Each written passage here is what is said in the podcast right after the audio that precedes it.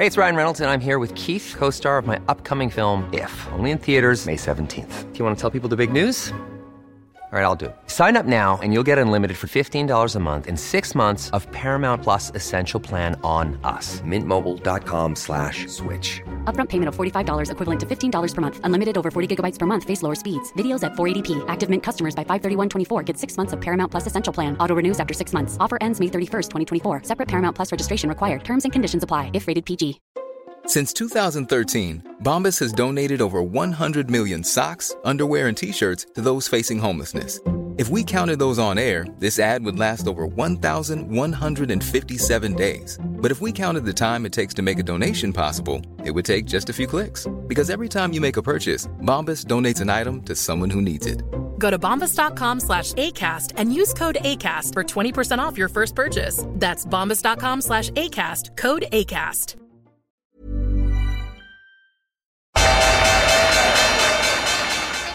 They mistook leverage for genius. Leverage for genius.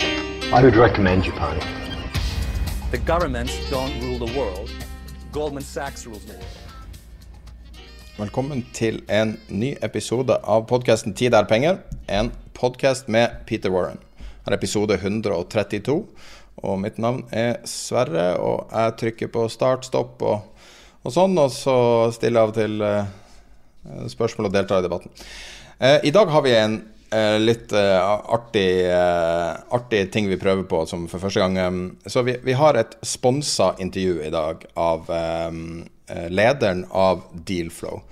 Eh, Det er et sånn reklameformat eh, vi har eksperimentert litt med der eh, tida koster penger, men samtalen er ekte. Og i dette tilfellet så visste jeg godt hva Dealflow var, trodde jeg. Og så i samtalen så var det så utrolig interessant. Så, vi, så jeg ba om vi kunne bare fortsette å, å holde det gående i, i en, eh, liksom, så lang tid vi hadde. Og det endte opp med å bli en full time. Så uh, i dette tilfellet så har vi uh, deler av intervjuet i uh, denne episoden, ca. 20 minutter. Og så har vi hele intervjuet på Patrion. Så hvis du går på tiderpenger.no Patrion eller i menyen, så kan du eh, eh, være med og støtte podkasten, men også da få tilgang til eh, det vi lager uten, utover eh, podkasten. Podkasten kommer aldri til å ikke være åpen og gratis og alt, men hvis du vil ha tilgang til f.eks. hele råopptaket, så vil det ligge der eh, alltid. Og, og det her var utrolig interessant, og jeg må si at eh, at jeg ser virkelig Dealflow med andre øyne og ser enorme muligheter for, for private investorer i dette markedet. Så absolutt anbefalt å, å høre hele.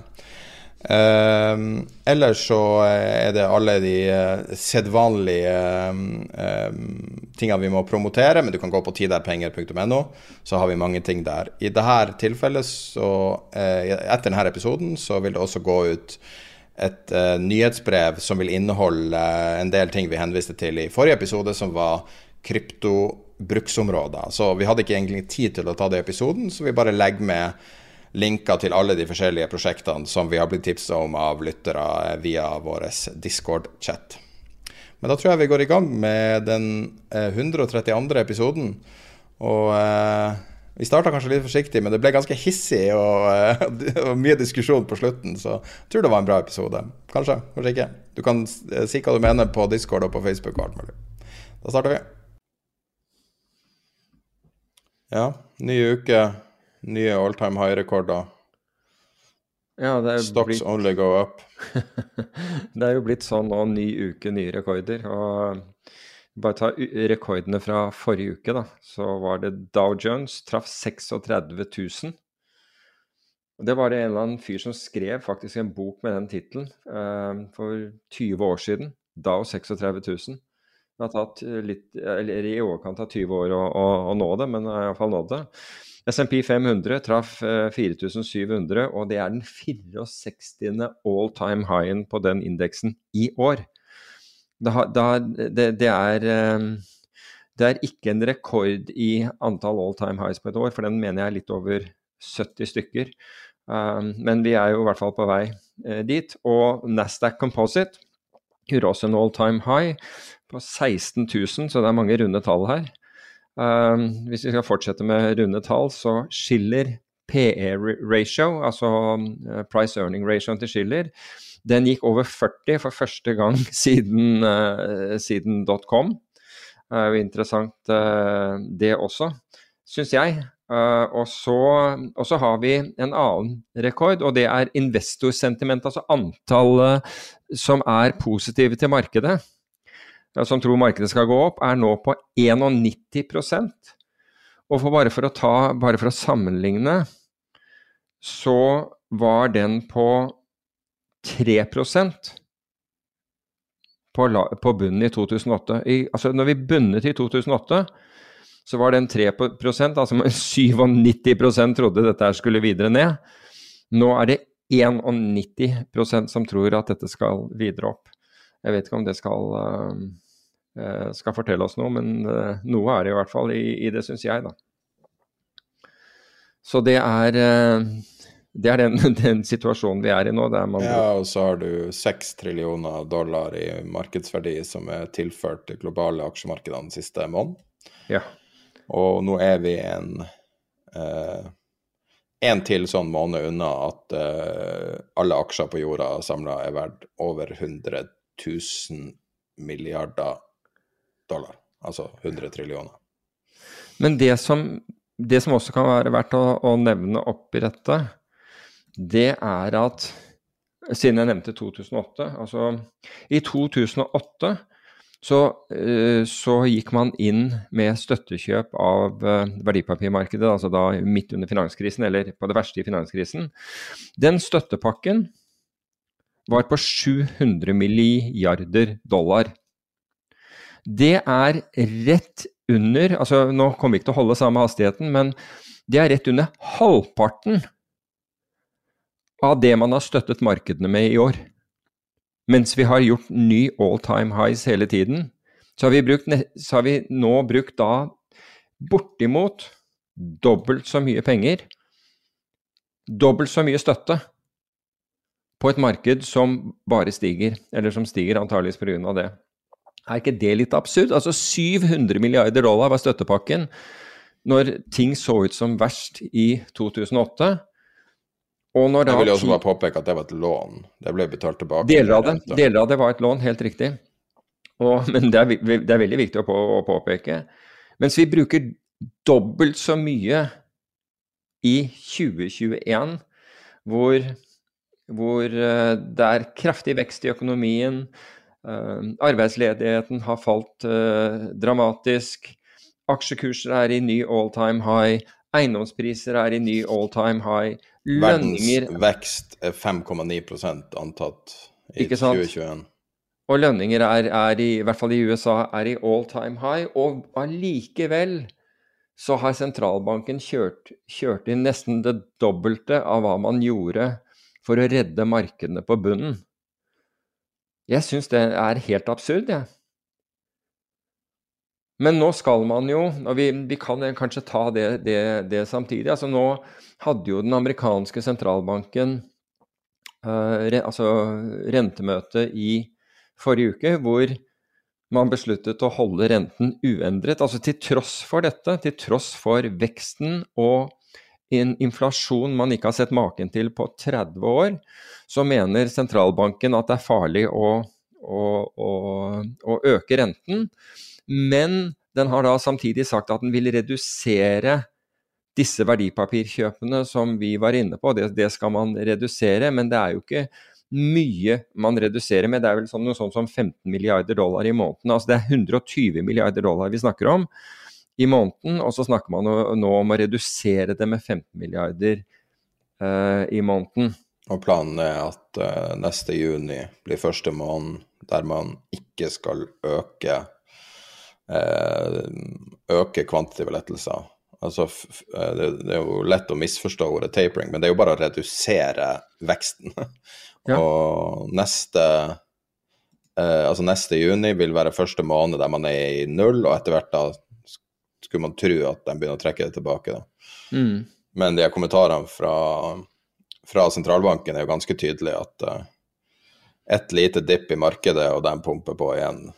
Ja, det, det, var jo akkurat det Powell sa, at han, de sto eh, rede til. altså Mens alt er på topp, så står de rede Altså, de er livredde eh, bare for å løfte foten av gassen litt. De står helt klar til å gi bånn gass.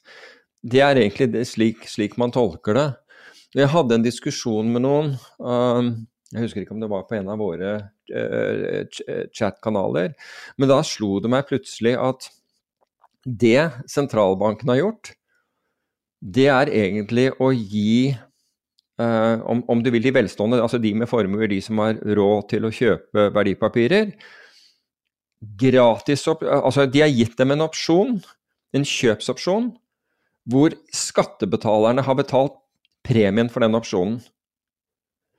For skattebetalerne altså underwriter den, den, den opsjonen. Så du, altså de som har da råd til å eh, til, ja, De med formuer, de som har råd til å kjøpe eh, finansaktiva som aksjer og for så vidt eiendom og alle disse tingene, de har i realiteten fått en kjøpsopsjon, altså tildelt en kjøpsopsjon. Her, kan det bare gå opp. For hvis dette her går ned, så, skal, så tar skattebetalerne regningen. Og det er, det er, så enkelt som å tenke seg at du får en opsjon gratis. Du får en kjøpsopsjon. Sånn har det vært. Det er, det er forbausende for meg at ingen at ingen ser det urimelige i dette, og ser at dette her er helt absurd. Men er ikke, ikke alt absurd da? Jo, alt er absurd, og vi har vært inne på det tidligere. Men i hvert fall så vi kan heller da egentlig snakke om hva det var som skjedde, fordi det fikk jo ganske dramatiske følger. Nå tenker jeg ikke akkurat den FOMC-dagen, fordi altså, hvor sentralbanken sa at renten skulle være uendret og, og, den biten der. For da svingte markedene voldsomt. Men øh, det amerikanske altså på, intradag, altså rett etter, eh, rett etter at eh, Powerland annonserte, så var det veldig store svingninger. Og stakkars de som trenger å få utført ordre, fordi på det tidspunktet, altså enten om du syns dette var positivt eller negativt, først gikk det ned, så gikk det opp. Men i hvert fall, det finnes ikke likviditet. altså Da trekker alle marketmakerne seg ut. Og det finnes ikke likviditet, så du får en ekstremt dårlig kurs hvis du måtte, hvis du måtte selge. Da får du en ekstremt dårlig kurs. Og så snudde markedet, for da kom det inn kjøpere på et, på et lavere nivå, og akkurat det motsatte eh, skjedde. Jeg satt og så på det. Var, det var ikke mulig. altså, kjøp, altså De som marketmaker-selgerne var lynhurtige med å bare flytte seg vekk fra, fra, Altså flytte seg oppover voldsomt. Så hvis du hadde en, det vi kaller en market order, hvor du sier liksom Du går bare rett inn og sier at jeg kjøper Jeg skal ha markedet. Du sier ikke jeg har ikke noe limit på det, men jeg skal ha markedet. Så betalte du veldig mye. Altså mye mer enn enn du burde ha betalt for å få det volumet. På slutten av dagen så, så jeg på hvor stor svingningen, altså topp til bunn, altså høy, lav, hadde vært den dagen. Og den hadde vært rett under 20 dagers gjennomsnittet av, av slike svingninger. Så dagen som helhet Altså hvis du bare så dag for dag, så, det, så, så, så det helt uinteressant ut.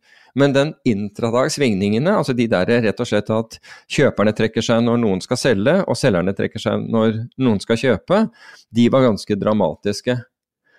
Men mer dramatisk, egentlig, var og har vært, vi, vi snakket om rentemarkedet i, i, forrige uke, hvor disse korte rentene, altså øh, toårs eh, statsobligasjoner, eh, renten på disse, hadde steget dramatisk. Og det begynte med at den australske eh, sentralbanken sluttet å, å, å, holde renten nede, og da, steg, og da steg renten voldsomt. og med andre ord når renten stiger, så faller obligasjoner. Bare så vi, eh, vi, eh, det blir meningsfullt det vi sier. Så australske korte, og når jeg sier korte, så betyr det med kort løpetid, f.eks. to år, de falt dramatisk. Samme skjedde i, eh, i USA. Samme skjedde i, i Storbritannia. Falt dramatisk. Og årsaken er jo at inflasjonen er såpass mye høyere enn det rentene er på disse obligasjonene, at det gir ikke mening. Folk dumpet disse. Og hvorfor det blir dramatisk, det er fordi når du har obligasjoner med f.eks. åtte basispunkter i renter, så girer man kraftig. Altså du tenker at, fordi det, det du, du er ikke redd for at staten skal gå over ende. Men, eh, men, men, du mottar da åtte, eh, altså åtte basispunkter, altså det er 0,08 i året. uh, som du mottar. Og da, da, er det på en måte det som er risikoen din, så de girer disse obligasjonene voldsomt. Og det er ikke vanskelig å få giret dem, fordi det er så liten det er, det er, det er så lite, liten uh, rentesvingning, altså når den ligger på 0,08. Så når, disse, når eh, renten på noen av disse går fra, fra 20 basispunkter til 40 basispunkter, så kan det hende at det slår ut på, på, på noen investorer voldsomt. Og jeg nevnte i forrige episode at eh, du, du, kunne risikere å tape 50 av, uh, av, på en sånn en pga. den enorme giringen. Og vi så store fond, veldig store fond, ha ekstrembevegelse. Selvfølgelig, de har ikke all, alle pengene i disse. Men vi så 20 fall og 50 fall var også sett i, i, i, forrige uke.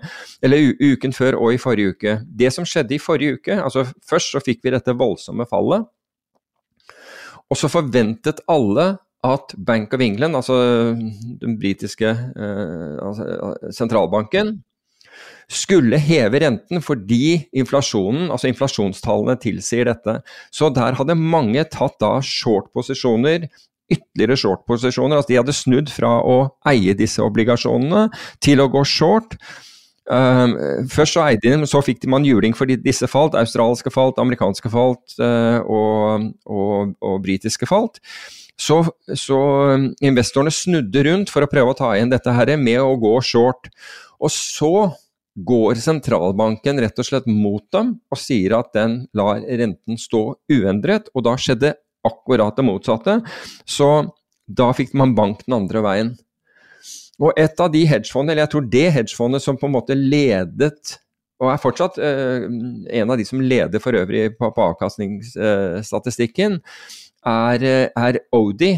Og det er Crispin Odi. og han kom, Vi kommer til å høre litt mer om Crispin Odi, fordi uh, Hugh Henry, som er en veldig kjent hedgefondforvalter, han, han arbeidet hos han i, i, mange år. Og, og, Det var der jeg traff han første gang, og senere uh, traff jeg han i, var jeg heldig å treffe han i, i, Oslo av alle steder. Men i hvert fall, Crispin Audis fond var opp over 100% og ga tilbake da på, på et par dager halvparten av avkastningen. Så han er fortsatt opp over 50% i år, som er en fantastisk av, uh, avkastning. Men det forteller litt om altså du, Hvis du bruker du bruker eh, da, ja, hva skal vi si, ti og en litt over ti måneder på å få 100% avkastning, og så mister du halve denne på et par dager.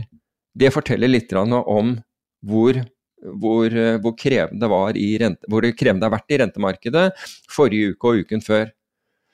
Men så er det en interessant ting med dette, og det er at vi mangler George Soros. Altså type George Soros, Michael Steinhardt um, og disse store makroinvestorene mangler der ute.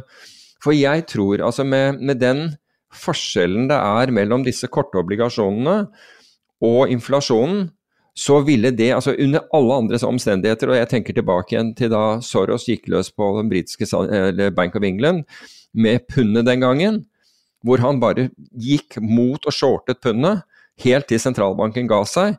Hadde du hatt noen George Soroser der ute i øyeblikket, så ville man ha gjort det i rentemarkedet. Fordi sentralbankene vil, vil måtte gi seg. Hvis de får nok trøkk, så vil de måtte gi seg. Du kan ikke stå og forsvare og forsvare en, en, en ekstremt lav rente i forhold til inflasjonen på, på disse obligasjonene. Da må de gi. Noe må gi etter. Så blir det nå spennende å se om det fins noen George Soroser der ute. Det fins jo noen store aktører, men om de er så store og modige at de eh, er villige til å utfordre uh, sentralbanken, det, det, det, det, får vi se. Men, uh, men, det er en interessant trade. altså Hvis du kan gjøre den i opsjoner, altså kjøpe uh, out of the money put-opsjoner f.eks. på en del av disse, disse obligasjonene, og det skulle komme en sånn spiller inn i markedet eller flere, da har du i hvert fall muligheten til å gjøre mye penger. i hvert fall helt sikkert. Men, uh, Interessant, for det er en ganske ukjent uh, dynamikk. Uh, det står jo ikke akkurat på forsida av norske finansaviser.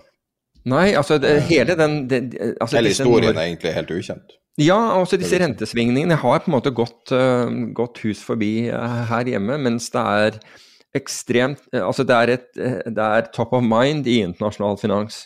Helt top of mind. Dette er, er dette er spennende ting som, som, foregår, og det er jo ved disse store, altså store skift.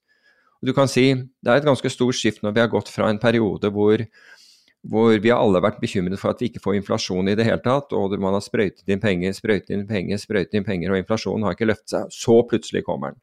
Men den kom ikke fra den kom ikke gjennom eh, økt produktivitet i de bedriftene hvor man skjøt inn penger, men den kom fordi man manglet råvarer i utgangspunktet, og så fikk man da denne, denne flaskehalsen innenfor for shipping. Så inflasjon er ikke lett å forstå. altså Det er ikke så lett å analysere seg frem til hva som er hva. Men når den kommer, så kommer den. Og det hjelper ikke å holde en, eh, amerikansk rente på en kvart prosent og stå på, på uforandret rente i en hel haug av land i håp om at det, at det, er det samme som å lukke øynene og håpe at når du åpner øynene, så er, er problemet over.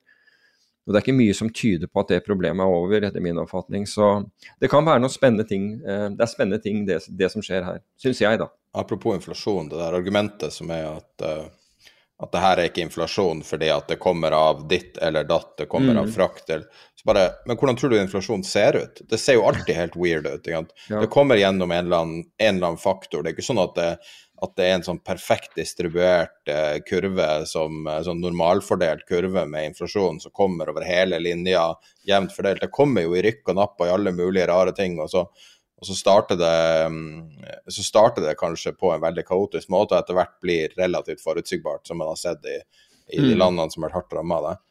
Eh, sånn at jeg kjøper bare ikke det argumentet med at det her er ikke inflasjon, det er bare det at bilprisene stiger eh, uh, bruktbilprisene stiger med 10% liksom. Det er ikke inflasjon. Ja. Men selvfølgelig er det akkurat det som er inflasjon.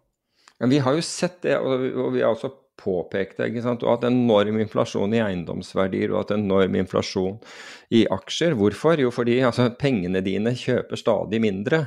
Det er inflasjon. Og så sier jeg men det er ikke sånn vi måler, og det er jo det du er inne på. Nei, men det kanskje, kanskje vi burde endre målingene våre. Men nå har vi liksom fått det der hvor det gjør vondest. Nå får vi det i eh, matvareinflasjon. Vi får det i alle mulige ting som vi eh, Hva sier du? Energi. Ja, ikke minst. Og energi, som vi også skal, skal komme inn, inn på.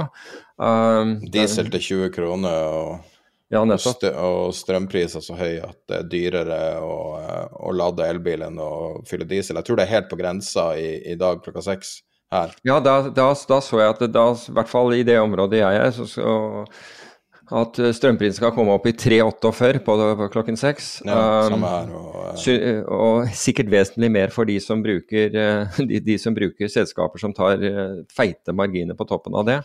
Jeg husker bare det var en lytter som hadde gjort en kalkyle på akkurat det, og jeg mener å huske at 300 og et eller annet var rundt det tallet der det ikke lenger lønner seg å lade elbil versa fylle bensin. Ja. Eh, bensin er jo en fryktelig mye dyrere energikilde enn en strøm, normalt mm. sett. Uh, mens, uh, mens, det da i dag kan vel være, er vel nesten første gangen det, at det er dyrere å, å, å lade enn å, enn å fylle. Du vet, når, når, du kommer til sommeren og det er et skikkelig statussymbol å ha en bensindreven, å kunne kjøre bensindreven gressklipper, da vet du mye har skjedd. Mm. Da er du en av de få. da blir det bra.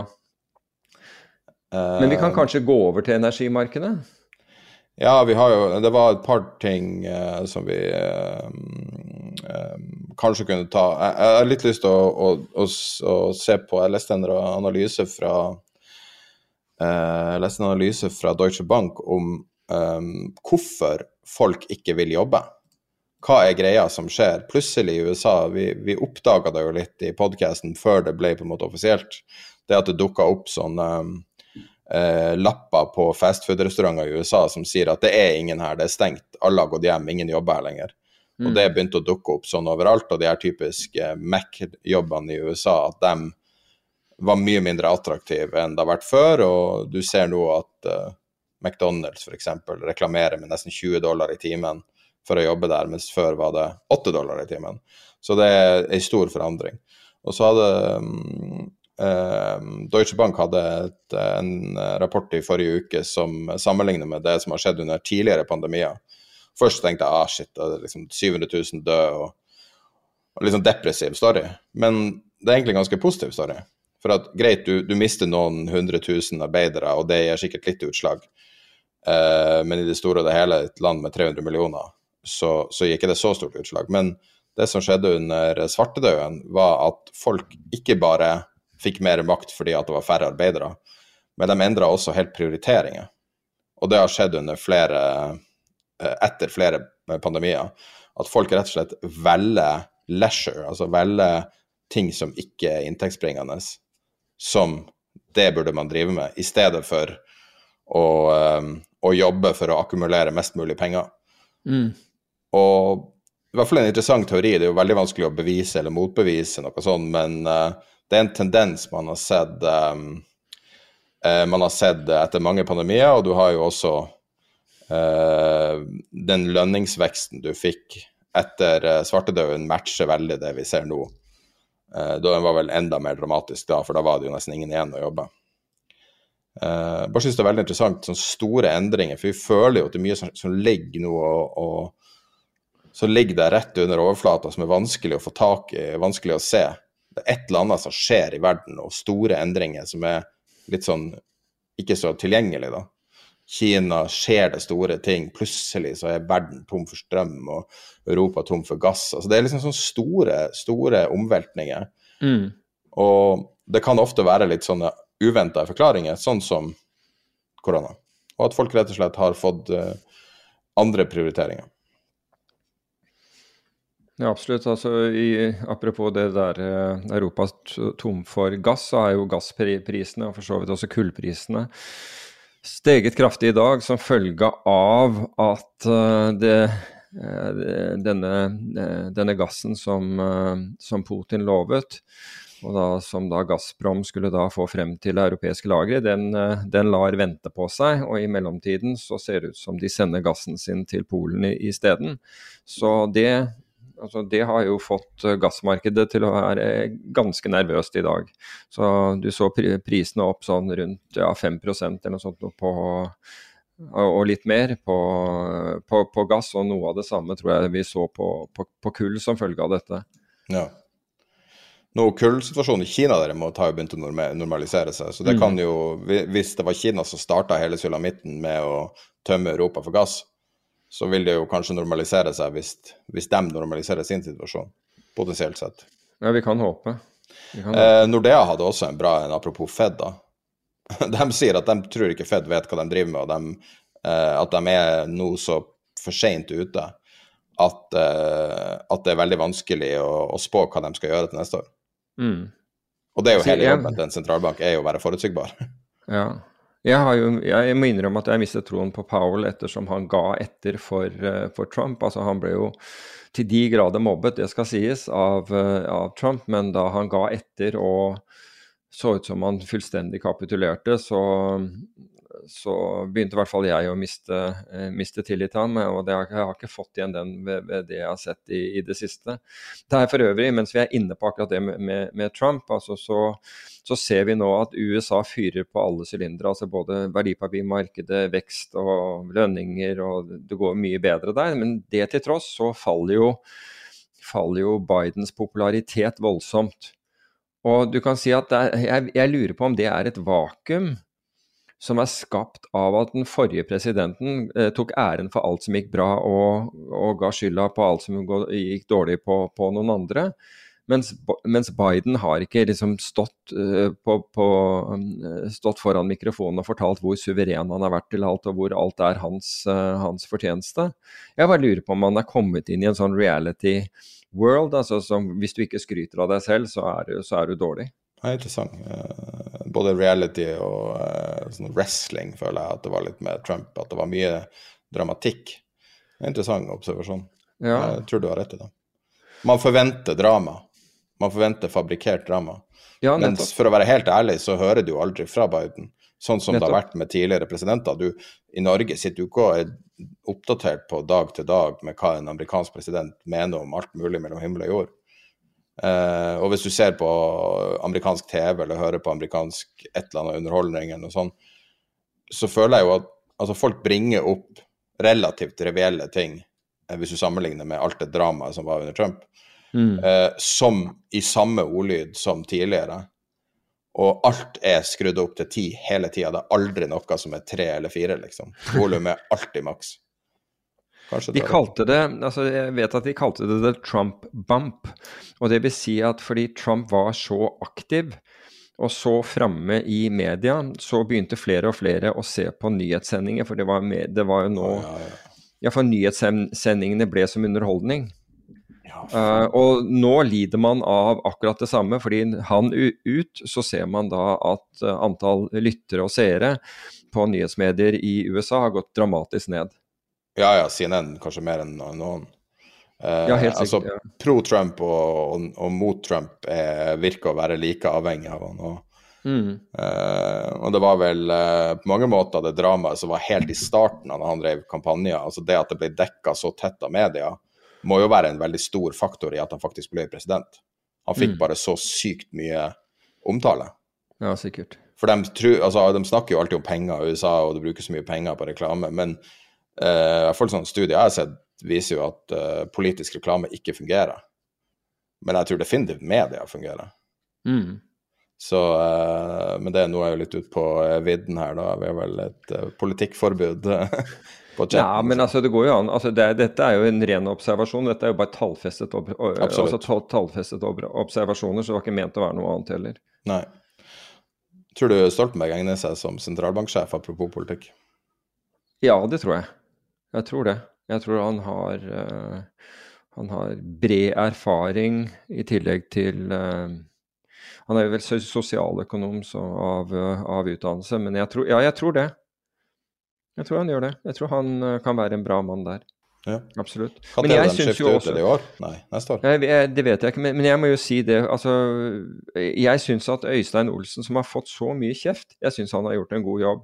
Jeg syns han gjorde en veldig god jobb under, under uh, koronaen, hvor kronen svekket seg dramatisk, og det ville ha store konsekvenser fra næringslivet hvis ikke han hadde stepp, steppet opp og og, og sagt at man sto klar til, til å intervenere. Og det holdt egentlig med at han sa det mer enn at de gjorde men han steppet opp i det øyeblikket det var, det var virkelig nødvendig. Og så har du, så, så har du ting, altså Nicolai Tangen, som vi også snakket om forrige gang, som jeg tror, jeg tror er en veldig egnet person til å lede, eh, til å lede oljefondet. Og, og jeg tror helt sikkert ikke Tangen og, og, og Neppe Olsen heller så for seg den stormen man ville få uh, når, når, han skulle, når, han skulle, ansettes. Uh, men i hvert fall begge to sto ut det, det, det løpet, og det, det står respekt av, syns jeg. Så jeg uh, ville bare, ville bare ha, ha, det on record, at jeg, syns han, synes han har gjort en god jobb. Eh, Nå er det på tide med et intervju vi gjennomførte nylig med eh, daglig leder av Dealflow. Hun heter Stine Sofie Grindheim, og eh, det var litt interessant fordi at vi har hatt flere sponsa intervjuer, og det er et nytt format vi tester ut, og det har vært veldig vellykka. Eh, og, og vært mye bra innhold, rett og slett. Altså Reklamer som virkelig er verdt å høre på. Det er ikke så veldig ofte. Er, jeg spoler nå sjøl over reklamer på TV hvis jeg kan. Men de her, det her er virkelig en samtale som jeg tror er verdt å høre på. Og når jeg gjennomførte den, så slo det meg at det her er jo fryktelig interessant, og jeg føler at vi, det er ting vi ikke har fått toucha på. Så jeg spurte henne kan vi bare fortsette, og så, og så legger vi det resterende intervjuet på vår Patrion-side. Og, og, det syns jeg var greit, og da har vi en times lang uklippa intervju som ligger på Patrion, tiderpenger.no patrion. Eh, du finner også eh, link til det på eh, i, i nyhetsbrevet som kommer ut, og det ligger også link i uh, beskrivelsen av podkasten. Men da starter vi uh, samtalen jeg hadde i forrige uke med uh, Stine Sofie. Ja, Jeg husker jo tilbake i Jeg, jeg prøvde meg sjøl på en startup i 2001. Mm. 2001-2002. Virkelig i istida i kapital. Mm. Og selvfølgelig fikk penger fra Innovasjon Norge og lærte meg hvor forferdelig det kan være. eh, men da husker jeg tilbake, da var det sånn strukturen var, var, satt. Du hadde Friends and Family, og i Norge betyr det staten. Ja. så, så hadde du eh, engleinvestorer, du hadde begrepet engleinvestorer i Norge. Jeg Mm. kom ikke over så mange av dem, men, men du hadde det. Og så hadde du WC, som i praksis var North Zone, jeg vet ikke om Mm. noen andre da. Og så var det børs, liksom. Ja. Men det er litt annerledes nå, er det ikke det? Jo, herlighet. Nå, altså øh, friends, uh, friends and family and fools, da, som de av og til kaller de der tre f-ene. Det er jo folk som klarer å løfte en del bare i den kjernen nå. Og det er jo mye altså Softfunding i Norge har jo utvida seg masse, og WC er definitivt eh, et bredere utvalg av. Selv om de fortsatt har en veldig firkanta boks man gjerne må passe opp i for å få innpass der. da. Men Business Angel-nettverket hadde jo blomstra opp mange steder eh, i Norge. Og eh, ja, det er flere av de som har god aktivitet, da, og så er det jo litt ulike faser og ulike bransjer de gjerne er på jakt etter når de skal inn og investere. Men ja, absolutt. Det er mulighet for å få kapital der, det er det. Ja. Mm. Jeg kan si at måten vi oppdaga Dealflow første gangen vi var i kontakt med dere, så var det en um, kommersiell forespørsel fra en aktør som, hadde, som sto på sånn kommer-lista til dere. Ja. Og de sier de skal gjøre det, og det er jo veldig imponerende. Veldig sånn Uh, på en måte, Litt sånn snusfornuftig business, da. Jeg, jeg vil ikke si hvem det er, for det ble aldri Mm. noe av. De, de, de forsvant fra den lista, og jeg, vi hørte okay. ikke mer fra dem. Mhm. Men uh, så begynte jeg å se på, på, eh, på deres selskap og, og, strukturen og sånn, og det er jo veldig appellerende på, på mange nivåer. Kan, kan Mm. du si litt om hvordan det Altså, dere starta i 2017, du kom inn i Mm. 2020, men jeg regner med at du, du vet litt om hvordan det starta. Hvordan ble Ja. det til regulatorisk, og alle de her problemstillingene og mulighetene? Og, kan du si litt om det? Ja, eh, det er jo en lang historie med hele det, men altså litt det man så i starten. Det var jo Petter Skulstad og Rune Brunborg som grunnla selskapet i 2017, og plattformen gikk live i april 2018, så litt over tre og et halvt år, år når man har vært live. Men det var jo det at det er for få kapitalkilder og for få muligheter tilgjengelig egentlig for selskaper i oppstartsfasen og i vekstfasen. Samtidig som det å investere i denne risikoklassen og faktisk få lov å være med på veksten til oppstartsselskaper. Det har ikke vært tilgjengelig for folk. da. Du har gjerne måttet vært med i et sånt englenettverk som vi snakka om. Der må du kanskje kommentere deg til å investere 1 million i løpet av et år. Sant? Det er mange som ikke har kapasitet til å være med der. Eller du måtte kjenne selskapet, og det var ticket sizer på gjerne minst 50 000 og opp for å kunne få delta i emisjonen, gjerne et par hundre. Mens eh, det vi har gjort, og andre lignende plattformer, det er jo da å egentlig demokratisere det og gjøre det tilgjengelig for alle. Informasjonen er digitalt, lett tilgjengelig, du kan gjøre det i Romak når du vil. Eh, og det er mye lavere ticket sizer for å kunne komme inn og være med, da. Og I tillegg så så vi jo da ganske tidlig at når man får inn mange aksjonærer, så må man håndtere dem på en god måte. Så det har man lagd et eget lite spin-off-selskap på med Adminflow og digitalt aksjonærregister som funker veldig bra. Men ja, det å få satt opp ja, den teknologiske biten av det er jo viktig, men det er jo det å gi folk muligheten inn her. Man så at det var et mulighetsrom for selskaper, for de trenger kapitalkilder, og at eh, folk kan være med og investere. Og det er både store og små investorer. Mange av de litt større investorene trenger jo dealflow. Så de kan få dealflow gjennom dealflow og eh, ta, ta være med i flere av emisjonene hos Ja. oss, da. Mm. Det er mye, mye du, du sier der som er interessant, og en ting som jeg oppdaga i researchen før vi skulle snakke, var nettopp det med Adminflow-selskapet. Mm. Det er nesten sånn, når jeg ser på det, så tenker jeg det her kanskje er den største verdien dere har.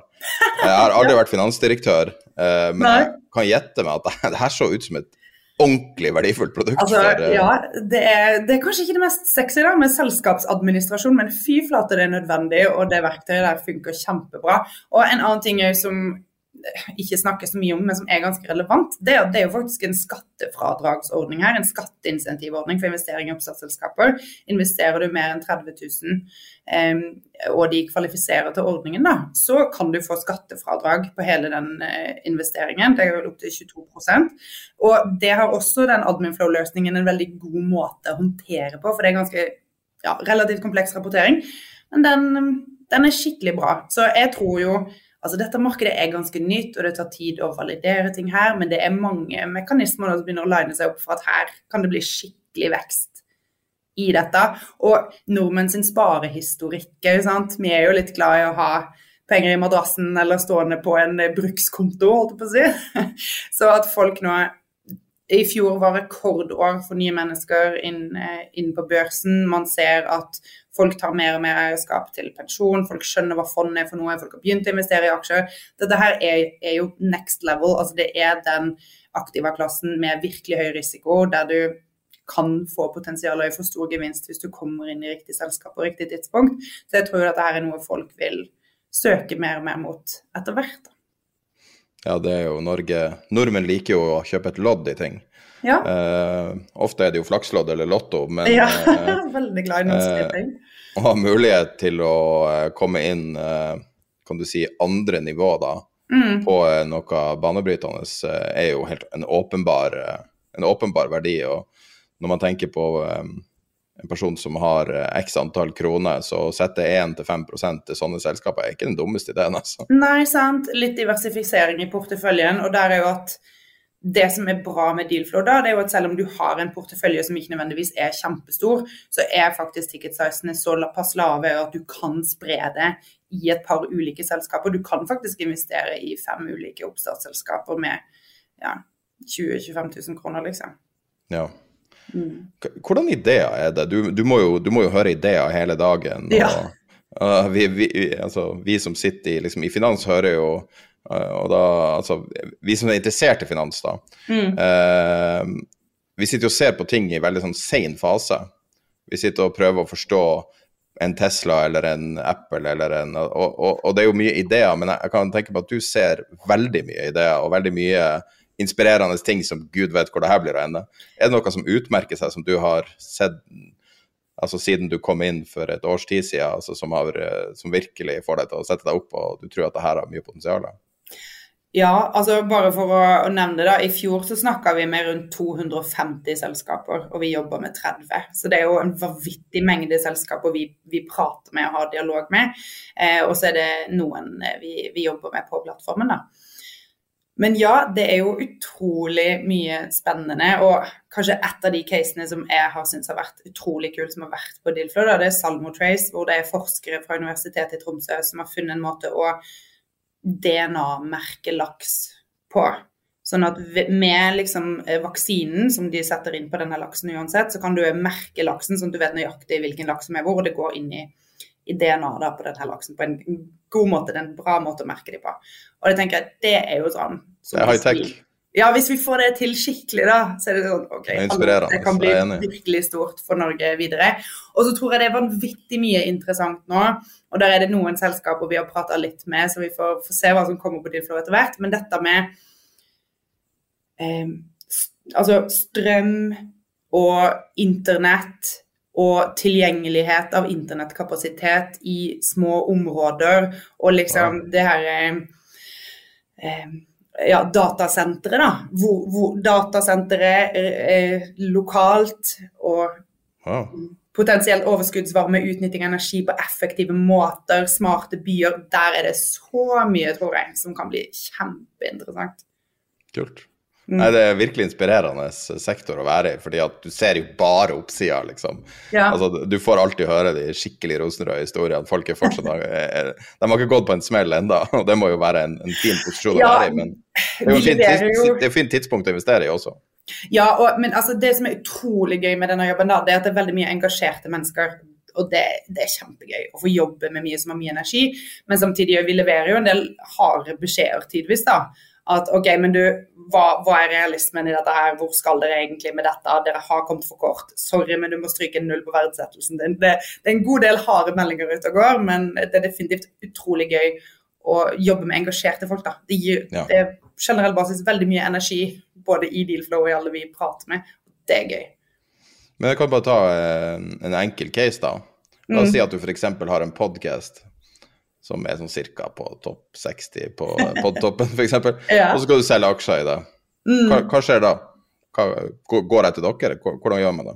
Hvis man skal eh, ja, det kunne du ha gjort. Altså, det som er viktig for oss, det er jo å se at det er en forretningsmodell og, og muligheter fremover. og bare, ok, hvor, hvor, skal du? Hva er prognosene dine? Hva er mulighetsrommet her? Hva kan du tjene? Hvilken verdi kan du skape for aksjonærene dine? Og så må man ha en fornuftig verdsettelse også på det i forhold til hva dere opparbeider dere så langt. Hvem er Og, og der at det kan være så ulike ting som er verdidriverne i den verdsettelsen. Er det ideen, er det patenter, er det teamet, er det vekstpotensialet, er det brukermassen man har bygd opp så langt? Det er så mange variabler som spiller inn der. Men eh, Men det er før tall, som regel, ikke sant? Mm? Det er som regel før man har fått tall. Altså Ja, for noen er det det. sant? Så vi, altså på, hos oss så har vi jo gjort verdsettelser på, eller henta kapital til selskaper som er verdsatt på alt fra 10 millioner til et par hundre millioner. sant? Så noe av det viktigste er jo kanskje at verdsettelsen står i stil med den fasen man er i som selskap. Og eh, for en podkast, hypotetisk sett, så er det jo litt med hvor mange brukere har man, hvilke inntektsstrømmer har man, hva slags verdier man skal levere til aksjonærene, og når kommer den. Men eh, ja. Det, Men altså, det, det kan være altså, Fordi at man tenker liksom hva er en business, og så eh, når, når jeg var tilbake da eh, ungdom og var på noe, med på noe fryktelig urealistisk som bare, man bare klarte å overtale staten om å gi penger til, ja. eh, så, så er det jo den der liksom Ja, du skal finne opp noe, noe fysisk. Hva er det som, er, det som er viktig? Og, og, altså, er, er alt digitalt nå, er det det? Eller er det folk som kommer med fysiske prototyper og, og den fasen, eller? Nei, det er absolutt uh, hardware eh, på Dealflow. Så et uh, selskap som henter penger for en liten stund siden, heter Aquabio. De leverer en, et fysisk produkt med et sånt lite kors som du kan bruke enten i en merd eller på et skip, som da vil måle alle fisk som er i et visst område som den stråler ned mot, og kunne si all vekt og enhet på alle de, for å si noe om ok, skal du kaste ut nettet her og fiske opp denne stimen, eller skal du slakte det som ligger i denne merden. Det er ganske utrolige ting dere har der. Jeg har aldri hørt om noe av det. Nei, det, det er utrolig mye spennende. Og Norge er flinke på Altså det er jo teknologi og hardware sammen, sant? men, men man, er, man er flink på, på en del sånne ting i, i Norge og klarer å, å få det til. Så hvis vi kan skape noe sånt her som kan bli en av de ja, neste store selskapene i Norge, så er jo det drit. Ja, ja. Er det noe olje? Oljerelaterte ting. Mm. Ja. Oljeservice er jo typisk norsk. Ja, et selskap som var ute nå nylig, som faktisk Trond Moen var med som en av hjørnesteinsinvestorene i, det heter Glax. Og det ble omtalt litt altså for å beskrive det, da, at det er på en måte Google Earth for havbunnen. Så at du får et eh, bokstavelig talt kart, liksom, med hvor skal du eventuelt bore. Men det gjelder jo også for hvor skal du lete etter mineraler, hvor skal du sette opp vindmøller, hvordan kan du skissere den vindmølleparken. Så det er heldigvis mer bruksområder enn bare, spesifikt mot olje. da. Men altså, herlig, de henta jo 17,6 millioner på Dealflow nå nylig, så det er tydelig at det var et eh, case folk var interessert i å være med i. da. Wow. Mm. Jeg må si at uh, når jeg har sånne her eh, samtaler, så gjør jeg bevisst litt lite research. For jeg vil, Ja. jeg vil høre det fra, fra deg. Mm. Uh, jeg har ikke hørt om noe av det her, og det er jo det er veldig sånn inspirerende. Ikke? Man blir, man blir liksom glad av å høre det. og og verden er jo mye altså i, i, I min del av verden så sitter man og bekymrer seg for inflasjon og, uh, og hva sentralbanker skal gjøre og sånn, men det her er litt mer på det ekte nivået. og Samtidig så relativt realistisk. Noe er jo selvfølgelig sikkert pie in the sky. Men det jeg lurer på da er OK, jeg har investert i denne podkasten som har notert seg. Mm. Putta inn 10 000 kroner, eller hva som er minstetegninga. Mm. Hva skjer da? Prosessen etter at en kampanje liksom er ferdig hos Tilflo, det er at man innbetaler i ettertid. Så du trenger ikke betale inn før det faktisk er, er ferdig. Og så må jo ting eh, All kapitalen må faktisk komme inn. Vi purrer gjerne et par ganger for å få pengene på plass. Det må registreres i Brønnøysund. Og så er det mange som bruker Adminflow da, for å håndtere dette i ettertid. sant? Så Fra investorsida også? Ja, som investor så vil du da få en invitasjon inn der, og da ser du aksjeboka real time. Du, det der må dere gå videre med, altså. Ja, Du sitter vi, med noe vi sykt verdifullt der. Det der høres en... ut som Monday, altså. Ja. Monday bare ganger ti. Ja, men det Så du må en, selge eh, aksjer i det der på deres egen. Ja. Nei, Steven Øyhovden er egen daglig leder i det selskapet ennå, så det skal man definitivt eh, jobbe godt med å skalere opp. Men, men da får man en invitasjon i ettertid. Altså, dette er jo unoterte aksjer, sant? så du vil jo ikke kunne se de med daglig verdiutvikling på noen som helst måte. Men det at de da bruker enten at man er VPS-registrert, eller bruker aksjeservice eller andre systemer, eller Adminflow, som er en veldig rimelig og god løsning, sånn at investorene kan gå inn og se posisjonen sin. Du kan se aksjene et sted. Um, for du er jo registrert som aksjonær i Brønnøysundregistrene. Det er på en måte der fasiten ligger. Men er Også, deres rolle ferdig da, eller er det en oppfølging etterpå? Har dere et uh, annonsmarked, har dere noe sånne ting? Ja, altså Vår rolle i emisjonsprosessen er å være en tilrettelegger for den emisjonen. og Da er, oppdraget egentlig ferdig når emisjonen er over. Men vi har også en markedsplass hvor det er mulig å være tilgjengelig på Dealflow i ettertid. Så der legger vi opp til annonseomsetning. Eller man kan melde interesse for kjøp eller salg, og så kobler vi de som har sammenfallende interesser. Og dette her er jo en, en helt annen dimensjon av markedet også. Sant? At vi har lyst på likviditet, vi har lyst på et annonsmarked. Det vil gjøre det mer attraktivt å investere i denne type caser. For det er jo ingen hemmelighet at dette her er veldig illikvid. Du må gjerne sitte på det i mange mange år, kanskje ha et fem til ti års perspektiv. Og selv om det går kjempebra med et selskap, så er det ikke sikkert du har mulighet til å få ut den avkastningen enn for solgt aksjene. Så annonsmarkedet er definitivt et fokusområde for oss videre, og, og prøve å legge opp til det på en, en, god måte. Der er det mye vi må Altså generelt å være en, en fintech som er regulert av Finanstilsynet. Vi har konsesjon som fullt verdipapirforetak for emisjoner og de produktene vi gjør. Det, det, er vanskelig, det er tungt.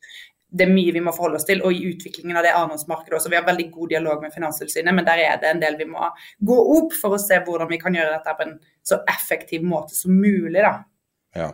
Og det er jo, dere, begynner, dere trør i ganske mange bed her nå. Hvem er det som er, er det noen store aktører bak dere? Jeg kunne ikke se det når jeg Nei, det- altså banker eller meglerhus eller, eller børsen. Ja, det er de to gründerne som har størst eierandel i selskapet. Og så har Nordnes Securities, som er et meglerhus i Bergen for flere sparebanker, de har på en måte vært med som storebror og holdt oss i hånda hele veien. da. Så hvis det var agent på deres konsesjon før vi fikk vår egen eh, konsesjon sent i 2019. Og så er Fana Sparebank en av aktørene også som er med. GC Riba Fortuna, store eiendomsutviklere i Bergen, de er også inne som eier. Og så er det flere litt mindre eiere da, som har vært med lenge fra start, som er også litt eh, venner og bekjente rundt gründerne. da. Jeg må helt ærlig innrømme at uh, også i kraft av at jeg ikke har gjort research, da, det er faktisk ganske mye bedre enn jeg trodde det var. Yeah, Jeg visste at det var en plattform, men jeg tenkte det var litt sånn kanskje Jarla, kanskje ikke. Ja. kanskje man bare, Men det her høres ganske mye mer komplett ut enn man skulle tro, da. Ja, altså Vi er Eh. veldig opptatt av å gjøre dette skikkelig. Det må, det må være kvalitet i, i det vi leverer. og det, dette er nå, nå kommer det crowdfunding-konsesjoner i Europa og sånne ting, og Norge skal vurdere hvordan de tar det inn. Men det å kunne være Altså vi er, vi er et meglerhus da, på lik linje med de større for det produktet vi har, som er eh, emisjoner og corporate finance. og da, da er det ganske mange krav man skal tilfredsstille innenfor det. og Det er liksom, det er ikke her du har lyst til å trå feil. da. Du har lyst til å ha orden i sysakene, og det er det som gjør at man kanskje kan skalere på en god måte og få troverdighet og tillit. Det er jo mye det det er basert på i, i dette markedet. Ja. Mm. Nei, og eh, det her, eh, altså når man ser eh, Jeg tror vi blir å legge med rett og slett presentasjonen i den Vi sender ut et nyhetsbrev med hver Ja. episode som går ut. Jeg tror vi må legge med presentasjonen for å få med alle tallene og alt. Sitte og ramse det opp er kanskje ikke så interessant, men eh, hvor mange prosjekter er det totalt som har blitt funda? Vi har henta kapital til 76 prosjekter. Men bare kort om det annenhåndsmarkedet, for der, der må folk gjerne komme med innspill hvis de har gode kommentarer. Men jeg ser litt i England og sånn, hvordan de har gjort det andre steder. Så har man gjerne lagt opp til Altså Oslo Børs er jo åpen hver dag eh, på, på hverdager, sant. Mens det de har gjort av og til i unoterte aksjer, det er å legge opp til liksom en, en trading week, eller at man har det innenfor et kortere tidsrom. For det må jo faktisk være en budprosess. Jeg kan si hvordan de gjorde det før i tida. Da var det en open outcry eh, to ganger om dagen, tror jeg. Fram til om det, var, om det var 87 eller rundt den perioden. Og da satt de jo og, og leste opp tall, og så kunne du eh, si, kjøpe eller selge da, og så var det over. Ja. I stedet for at det var en kontinuerlig. Men du fikk jo da en, um, en price discovery, som er det dere måtte mangle Ja. i annonsmarkedet. Ja, men, men to ganger om dagen kan være litt uh, ofte Eller jeg tror vi må bygge litt momentum rundt det med annonsmarkedet. Og Oslo Børs Family and Friends har jo prøvd Vi har god dialog med, med Oslo Børs også. De åpna jo Family and Friends i 2018, tror jeg det var. Og der er det tre eller fire selskaper som er tilgjengelige nå. Og den De er veldig tydelige Er det en greie? Jeg har aldri hørt om det heller. Nei, altså det fins. jeg tror noteringsavgiften for å komme på der er 25 000, og du må da megler i tillegg og sånn. Så det, det, er liksom Det er for pricy da, for de selskapene de ønsker å nå med det konseptet. Så de er ganske tydelige selv på at OK, det her feila. Det ble ikke det vi ville. Og i tillegg så må du blottlegge det totalt der på hvilken Hvis du vil selge det, så må du blottlegge deg på hvilken pris som er den laveste du er villig til å selge til. Skal du kjøpe, så må du blottlegge deg på hvor høyt du vil til å gå. Ja. Det, det, funker dårlig i det markedet, og vi må finne bedre mekanismer. Og... Ja, du kan jo ha sånn her lukka auksjon, f.eks. Ja. Men uh, sorry at jeg begynner å pitche ideer, for det er bare rett og slett inspirerende å høre ja, på. Ja, ja, ja, men vi er så sykt åpne for det. For dette, det er jo noe vi har lyst til å bygge videre, og det er eh, ja, veldig relevant for det markedet vi har lyst til å drive videre. Da. Så um, annonsmarkedet og en, en markedsplass for annonseomsetning i unoterte aksjer, det har vi lyst til å være størst og best på, og virkelig få litt likviditet, likviditet i løpet av noen år. Da. Ja, veldig kult. Funker det med konsesjonen deres? Ja, det er jo derav dialogen med Finanstilsynet. Men ja, det som faktisk er vanskeligst, er egentlig ikke konsesjonen, men det er overvåkningen du må ha hvis du helautomatiserer det.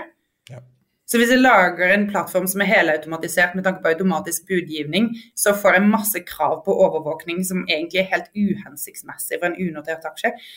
Ja. Hvordan går man fram for å Altså hvis man vil Hvis jeg går inn på Dealflow nå, mm. Altså, hvordan går det fram for å få vite om alt nye? Er det nyhetsbrev eller push notification? Eller ja, det er nyhetsbrevet vårt som er det beste for å få vite om nye caser som kommer. og Da pleier det å gå ut et nyhetsbrev eh, hver tirsdag. Så en gang i uka så får man da beskjed om det er nye som legges ut som kommer, eller om det er noen kampanjer som åpner på, på Dealflow. Og nå, ja, som regel så ligger det alltid ute noen caser som er åpne, og det er veldig mye spennende som skjer nå mot slutten av året. da.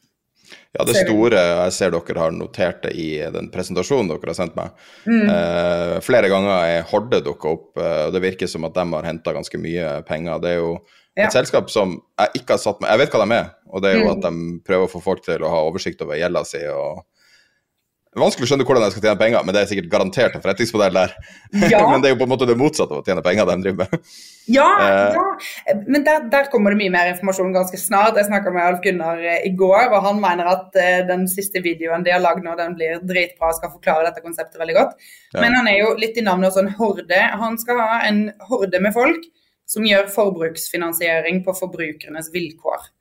Okay. Og, og der er det, er ah, okay, noe å, å, hente. sant? På, og bankene har altfor gode marginer på veldig mye produkter mot det segmentet i dag. Hvis han kan endre det, eh, samtidig som man da blir liksom en, får bankene til å pushe ting ned og, og, gir produktene til folk på bedre vilkår, så tror jeg han har mye spennende han kan gjøre der. altså. Men ja. der kommer det mye mer informasjon i den neste emisjonen de skal ha nå. Men jeg ser på sida så står det 'følg', da er det det at du blir pusha. Altså den, den Nå tok jeg bare den øverste som sto der, som var Horde. Ja. Hvis jeg trykker på følg, så får jeg en push når den er klar til at du kan investere i det. Ja, der kan du legge inn mailadressen, og så er det en sånn liten eh, tikk du må huke av også. Hvis du huker den av, så tillater du at vi gir e-postadressen din til Alf Gunnar i Horde, sånn at han kan invitere deg tidlig til forhåndstegning.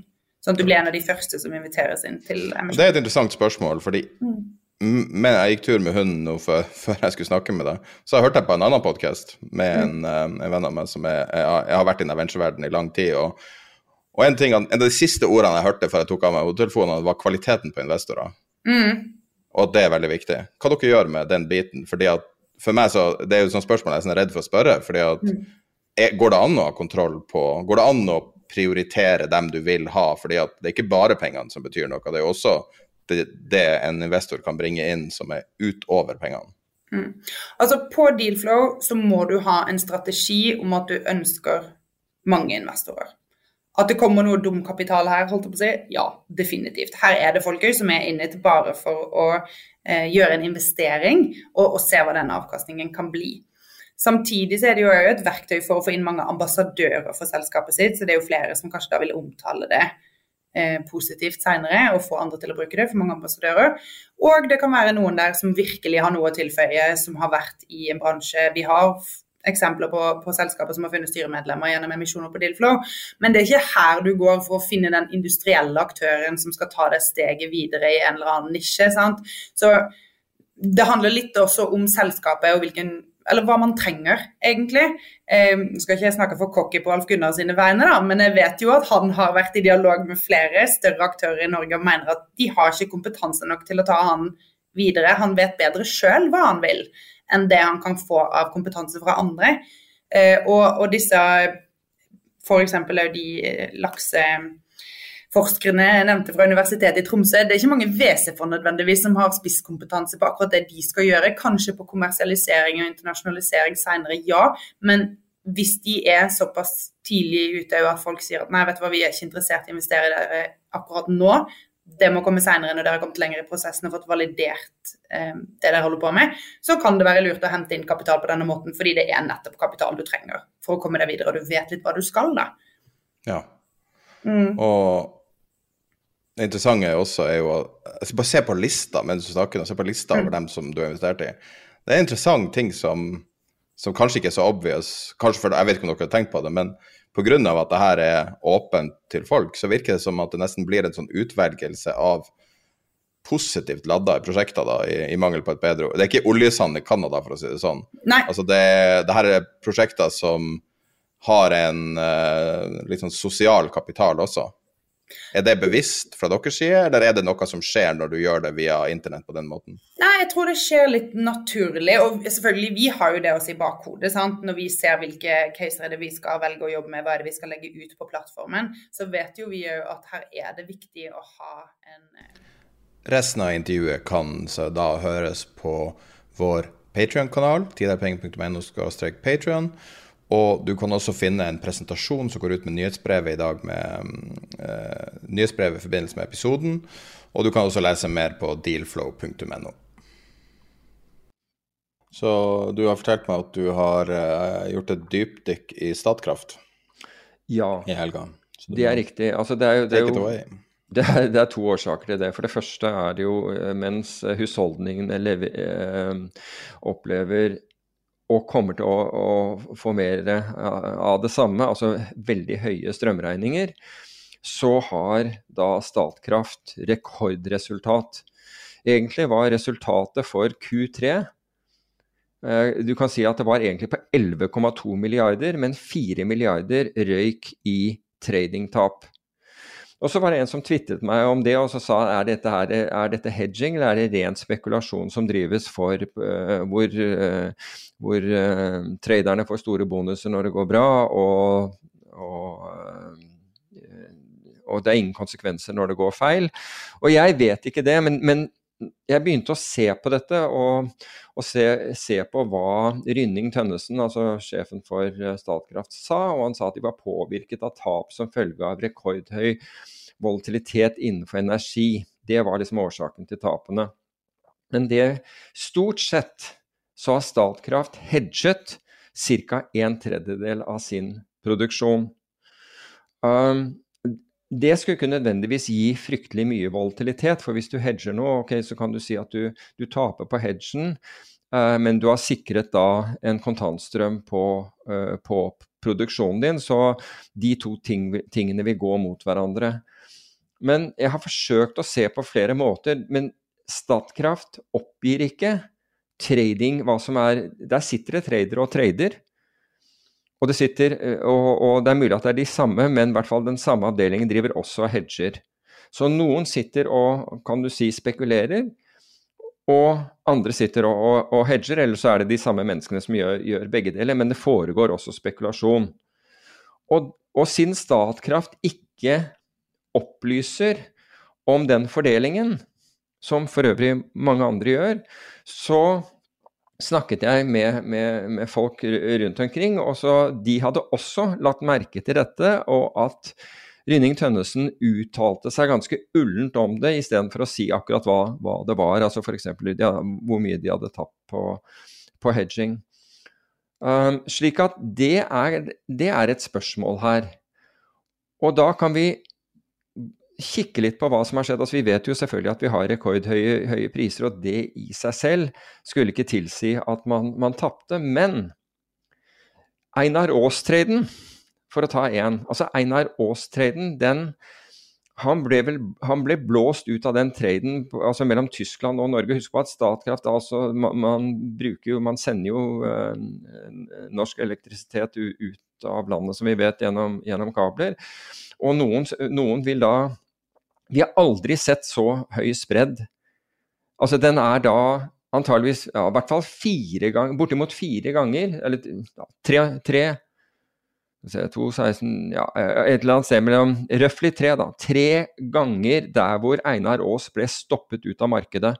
Og Nå må vi huske at han hadde tatt den spredden mye mindre, men i, bare i løpet av september så går spredden mellom tysk kraft, altså hva, prisen på tysk kraft, forskjellen mellom altså tysk kraft og norsk kraft, fra 46,73 eh, euro per megawatt, megawatt time til 88,64. Det er 103% på en måned. Og i utgangspunktet var den spredden skyhøy. Den var skyhøy i utgangspunktet i forhold til hva den har vært. Så det er en av de tingene som kan ha vært. Altså kan, fordi det er en ganske naturlig sak hvis du tror at Tyskland er veldig mye høyere priset enn en, en eh, nordisk kraft, og tror det er midlertidig, så kan du ha gjort en trade der. Eh, eh, altså For øvrig, Einar Aas fikk, fikk margin callen sin da, da, denne spredden var på 13, og han ble tvangssolgt ut rett under 17 euro. Og nå snakker vi om at vi, vi var oppe i 90. Så den, den spredden alene har gått 103% bare så det er sagt. Så har du forskjellen mellom områdepris og systempris. Altså det er systemprisen som settes, og så er områdeprisen den er avhengig av tilbud og etterspørsel i aktuelle, det aktuelle om, området. I 2017 så var spredden mellom disse to på, på, på 0,4 euro. I 2021 er den ti ganger det.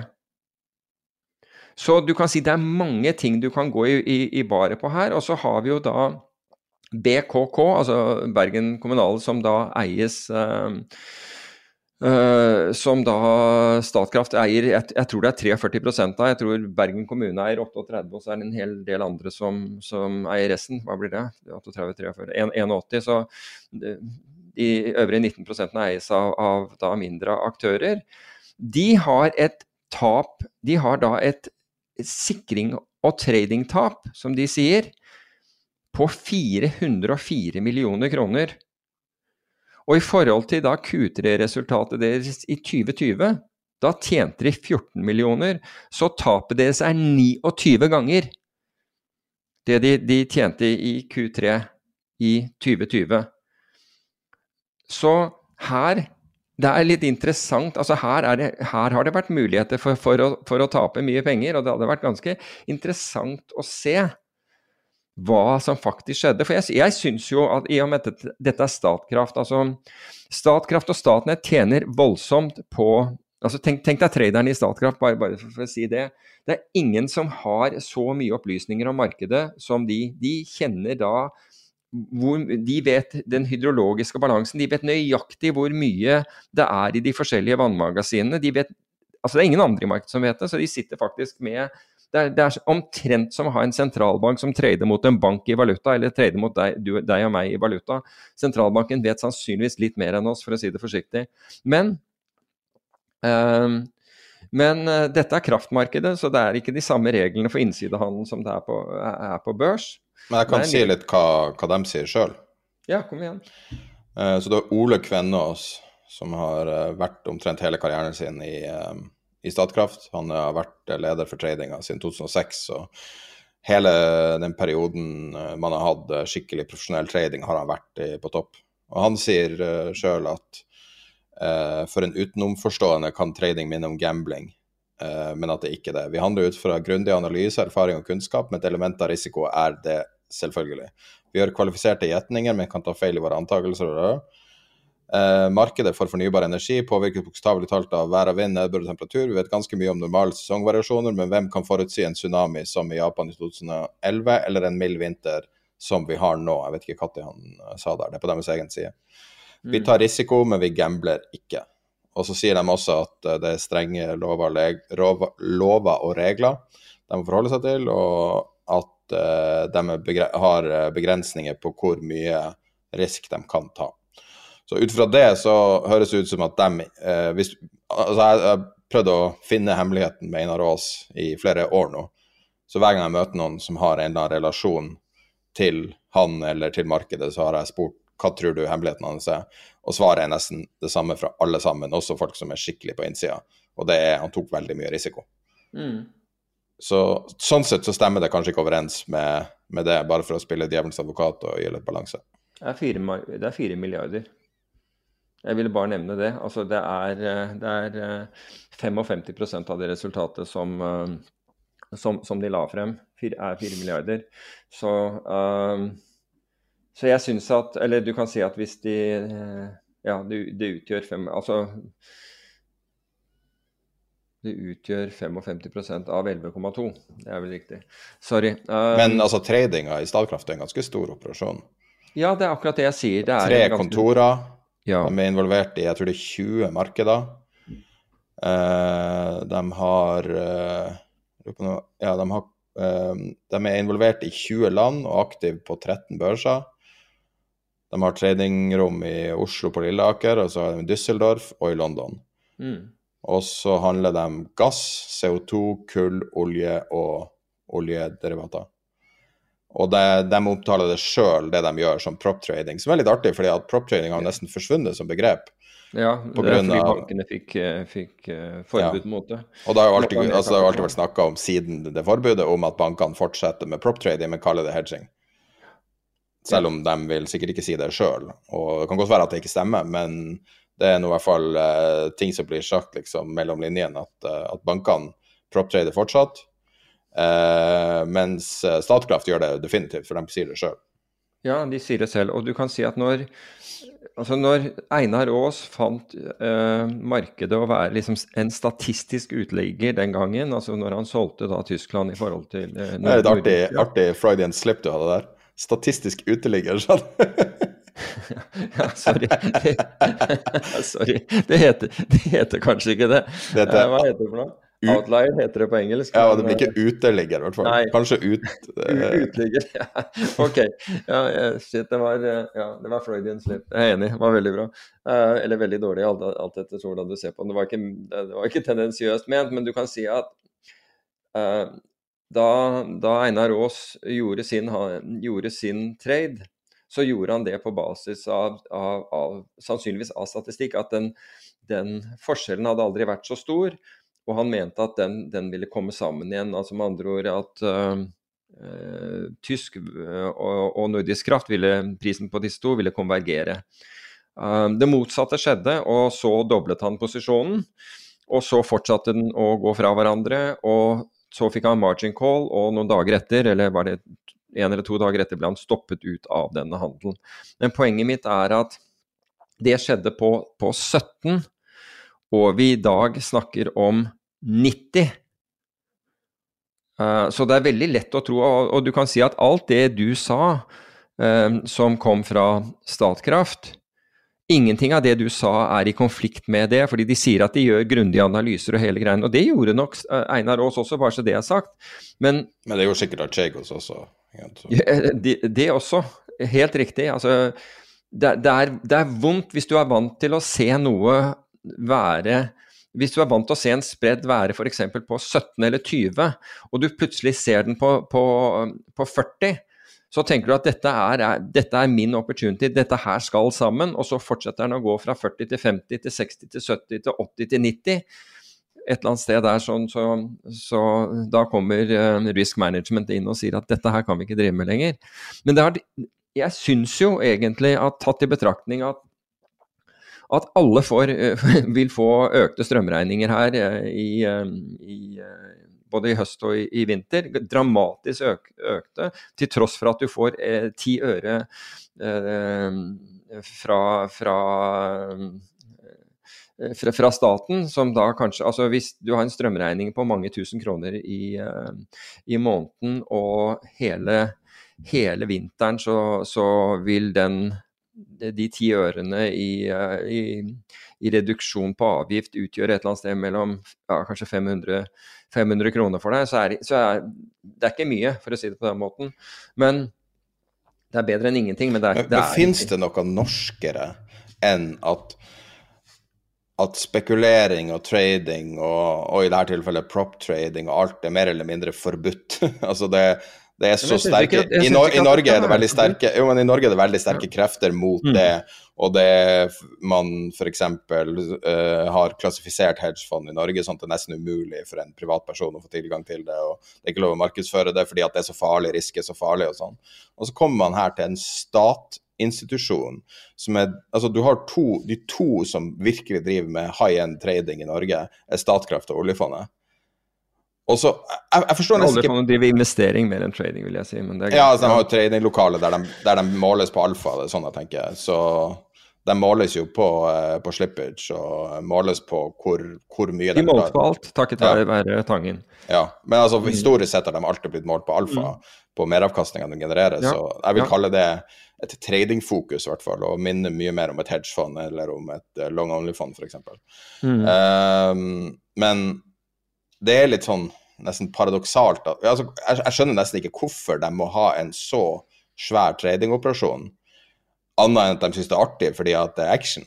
Altså, når man Norge produserer masse energi, og det er sikkert fint å være med involvert i salgsprosessen til en viss grad, men jeg forstår nesten ikke helt hvorfor det her skal være en, offen, en offentlig eid institusjon, og da implisitt ta masse risk.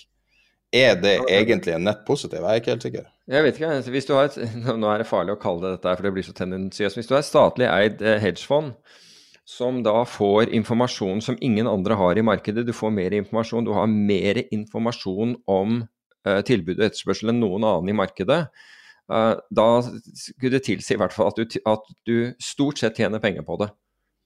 Fair enough. Stort sett vil du tjene penger på det, og det skal på, annen, på et eller annet tidspunkt i en eller annen fremtid Kanskje, uh, kanskje må, må, må, kloden gjenoppstå noen ganger øh, for at, øh, at, det skal komme tilbake igjen til skattebetalerne. For akkurat i øyeblikket så ser det for meg ut som Statskraft, Statkraft og Statnett blir vanvittig rike, og forbrukerne blir definitivt fattigere. så dette kommer da susende tilbake i, eh, i, i penger til staten, mens, vi, mens, mens, forbrukerne lider i mellomtiden. For Man snakker om da å gi ti øre. altså I forhold til det staten tjener på, uh, på, på, på strømmen, og nå, altså nå skal jeg bare bevege meg litt vekk, vekk fra, fra, Statkraft, men hvis jeg bare for å fullføre den Statkraft altså For det første så er det jo, den, er jo litt merkelig at man kan konkurrere med andre med, mens man har særinformasjon. Men det er andre regler i, i råvaremarkedet og sikkert i dette, dette, kraftmarkedet enn det er på børs, og det får man akseptere. Det som, det som jeg gjerne skulle sett, var jo at Rynning Tønnesen fortalte akkurat hva det var. fordi jeg synes på en måte at når noe er er eid av staten, dvs. Si oss, eh, så har man eh, en, kanskje en plikt til å gjøre det med, enda mer transparent enn private selskaper. Da burde det i hvert fall ikke være mindre transparent enn andre selskaper. Så der er det en, oppfordring, oppfordring, til uh, Statkraft. Så tilbake til dette med Men Kan, kan vi ta et siste punkt før vi forlater det temaet? Jeg syns det her går litt tilbake til noe jeg og du har snakka om i, i, ganske lang tid nå, og snakka med flere aktører, som er at, at uh, finans i Norge burde være et større fokusområde. Og jeg syns at de assetene man har med å ha profesjonelle tradingmiljøer i eh, primært oljefondet, men også da tydeligvis i Statkraft, burde kanskje dele mer med næringslivet. Da mener jeg kompetanseheving av hele norsk finanssektor. Og at det, at det er litt sånn det, det, For meg så er det litt sånn ufattelig å lære at Statkraft er en monsteraktør eh, nesten uansett målestokk på trading, og du ser eh, operasjonen deres der de har sofistikert finans og alt, og så, og så er det på en måte lukka innen deres sfære. og eh, norsk næringsliv er fortsatt eh, veldig drevet av uh, olje og oljeservice. Og, og, finans ligger så langt bakpå, målt med mange andre uh, markeder vi burde måle oss med. Mm. Og det at Statkraft sitter og på en måte tviholder på kompetansen uh, Og jeg sier ikke at dem, dem vil jo selvfølgelig sikkert ut og opp og fram, men at det burde, det burde, ha vært en eller annen offentlig diskusjon for det, altså få, liksom, få bevare og kultivere den kompetansen som er i de miljøene, burde jo være et absolutt mål. og det, Man stiller jo det spørsmålet hele tida. Hva skal man leve av etter oljen? Og jeg har et mulig svar, og det er finans. Finans er det eneste som er stort nok til å kunne matche oljen i Norge. Og, vi, og det er en av de få plassene der vi har mega, et megakonkurransefortrinn. Fordi at vi har så mye kompetanse i oljefondet primært, men også i da andre miljøer som mm. Altså, det er vel og bra at statskassa blir større, men vi har en ganske gigantisk statskasse i utgangspunktet. Men det vi ikke har så veldig mye av, er spisskompetanse innen finans. Og, kom og kompetanseoverføring? Nei, altså det, det, er noe i det du sier der. Jeg er helt enig. Um, jeg må jo si at uh, hvis jeg bare går, går tilbake litt til, til, oljefondet, men i tråd med det du sier altså hvis, uh, altså Det Tangen har gjort der, det er jo bl.a. denne her denne simulatoren, denne uh, trading-simulatoren som, uh, som, de bruker der, som har som hensikt å avdekke om Altså avdekke feil man gjør. Og for så vidt også fremheve de tingene som Hva er det du refererer til nå? En simulator? Ja, oljefondet. De, jo, de, jo, de, bygger jo en sånn, en, en, slik. De bygger jo Altså, dette er jo ledd i Eh, å gjøre, eh, å gjøre eh, medarbeiderne bedre. Så det man, det man, gjør da, er, å monitorere alle tradene ikke sant? Altså, og, og, kjøre det gjennom en simulator for å se hva, hva, er du, hva, er det du, gjør som er riktig, og hva er det du gjør som, som er feil. Altså den, den, enkelte forvalter eller trader eller hva det, hva det måtte være. Og, og, det er jo en veldig god ting, ikke sant? fordi da får du sett det. og jeg innførte det, det, i sin tid i, i, eh, i finansbankene. Det var, ikke, det var, ikke, populært i det hele tatt. De som hadde vært der det, fra, fra, før, de ønsket ikke det i det hele tatt å bli målt. Altså Med andre ord, du måler hva de forskjellige gjør, men du måler det med den hensikt å gjøre dem bedre. Men det, er, var, det var, veldig upopulært uh, da jeg gjorde det. Og jeg er sikker på at det fins de som er mot det i oljefondet også.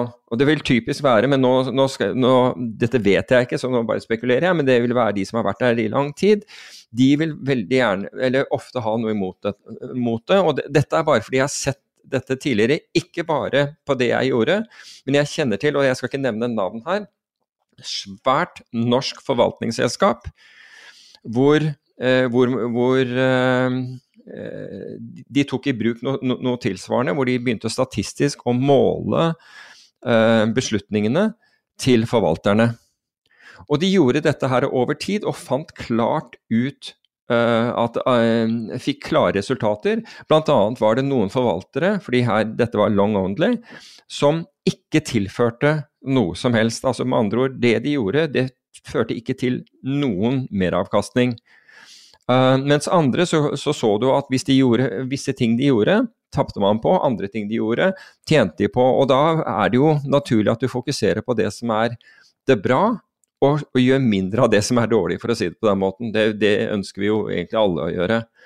Men her, altså fordi ledelsen var også eiere i dette foretaket, så ble det massiv motstand mot dette. Så prosjektet ble lagt ned. Det var egentlig et veldig vellykket prosjekt som kunne vist at dette gjorde du bedre.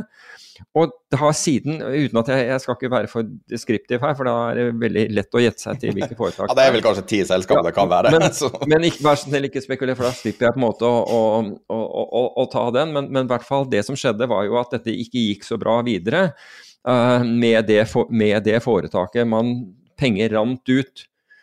Så man ønsker ikke, ønsker ikke den type måling. men Tangen har da, da, innført det, og jeg tror de kommer til å få kjempespennende resultater ut av det. Og hans eneste ønske er at folk blir bedre på det de gjør. Og hvis noen kunne fortelle meg at du, hver gang, hver gang du går short, så, så, egentlig så taper du penger. Altså, du tror kanskje at du gjør det virke, men det, det der tjener du ikke penger på.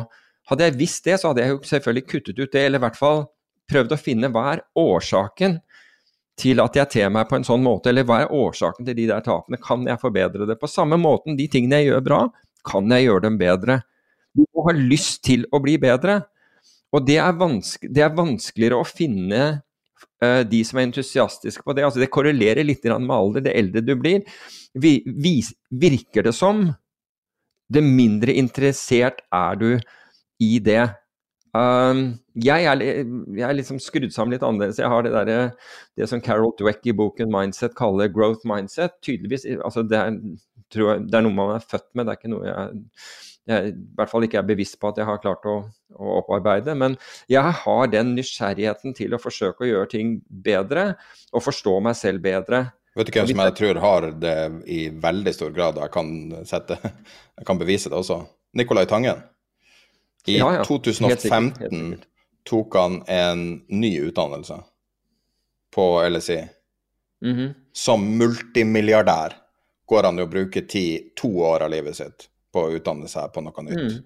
Og hans tilnærming til faget er noe jeg nesten aldri har sett maken til.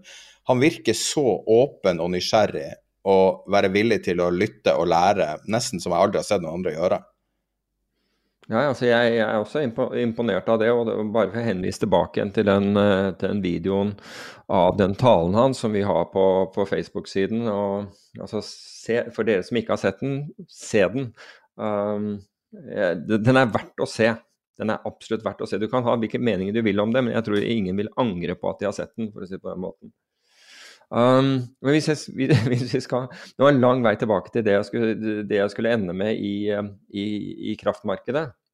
Men i hvert fall, situasjonen i, i dag, da, hvor vi kommer til å ha rekordhøye strømpriser i Norge, er at systemprisen er 94,06 euro altså i, i øyeblikket. Og mens områdeprisen i Sør-Norge er på 123,21 euro, euro Uh, så den er vesentlig høyere, Okay? Så, og, det, og, det, er normalt.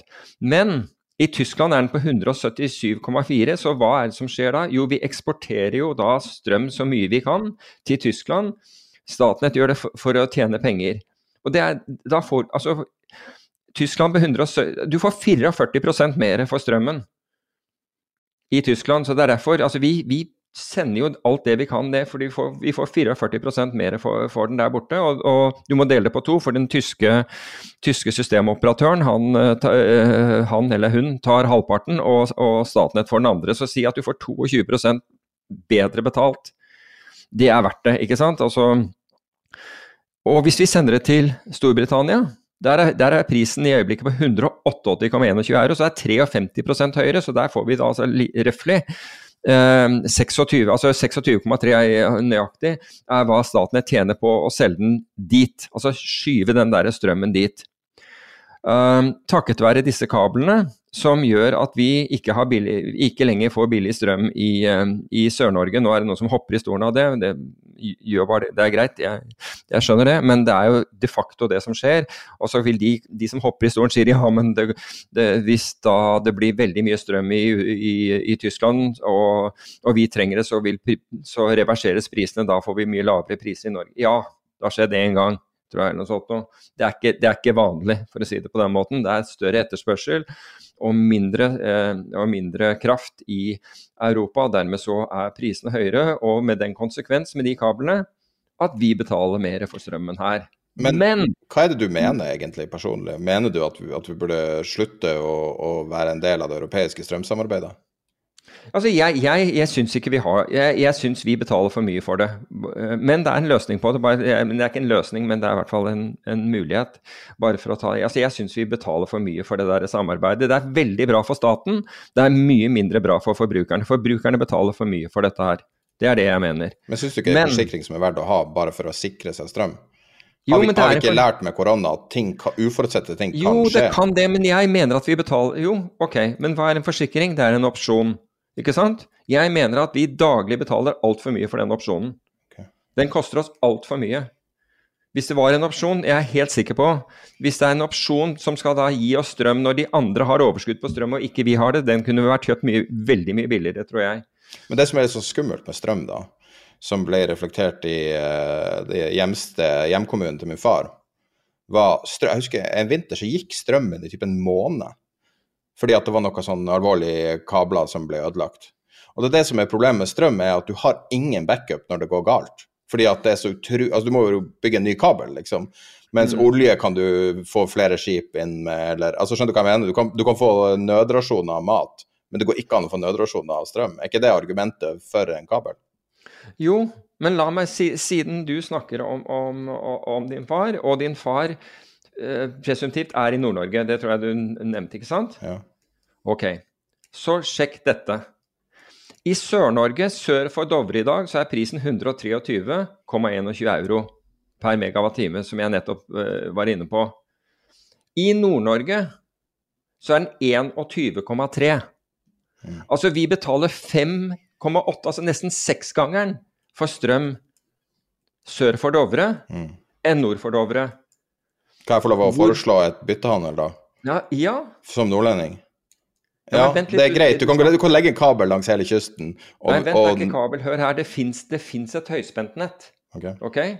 Det fins et høyspentnett som teoretisk kan håndtere 1000 megawatt-timer, OK? Men de, de, de, klarer ikke å kjøre mer enn 600 megawatt watt, watt ned eh, gjennom, gjennom, den, gjennom det, det, nettverket. Altså Når du ser de store forskjellene, og du kunne enkelt ha et bedre, et bedre høyspentforbindelse mellom nord og sør Altså til seksgangeren. Ja, vet du hva du også ikke har i Nord-Norge? Du har ikke en jernbane. Så bygg jernbane og bygg, eh, og bygg nettet, og så finansierer du jernbanen med nettet, da. Så det som er, Hvis man først skal begynne å snakke om, om nasjonale forskjeller, så må man se på hele bildet, ikke sant? Gjerne det, men, men, du kan si at greiene er at det går et nettverk der. Det er bare ikke, det er bare ikke blitt de, altså Man har ikke dimensjonert opp, man har ikke vedlikeholdt det nok til at det engang kan levere det som er den teoretiske kapasiteten, som er 1000 megawatt. Jo, men det her er jo et relativt nytt problem. Vi ligger på 60% Altså, Kina gikk tom for kull fordi at Kina ville ha blå himmel under, under vinter-OL. Så, så, gikk de, så gikk de bort fra kull, og så gikk Europa tom for gass. Og så er Russland i en slags kald krig med Europa de siste ti årene om gasseksport eh, til Europa, og vil ha mest mulig makt der. Så du har to helt ville faktorer, helt eh, første gangen det har skjedd faktorer, som, ekspo uh, som, eksponerer da at vi ikke har et perfekt system. Og da at noen eh, i noen måneder får noen hundre eller noen tusen kroner ekstra i strømregning. Så det her er jo et Altså, grunnen til at det her Jo, men grunnen det, er permanent at du får høyere strømregning i, i, i, i Sør-Norge. Det kommer til å være bortimot permanent. Det er ingen som tør å si at dette her er bare midlertidig og, og bare vent, det kommer til å være helt greit.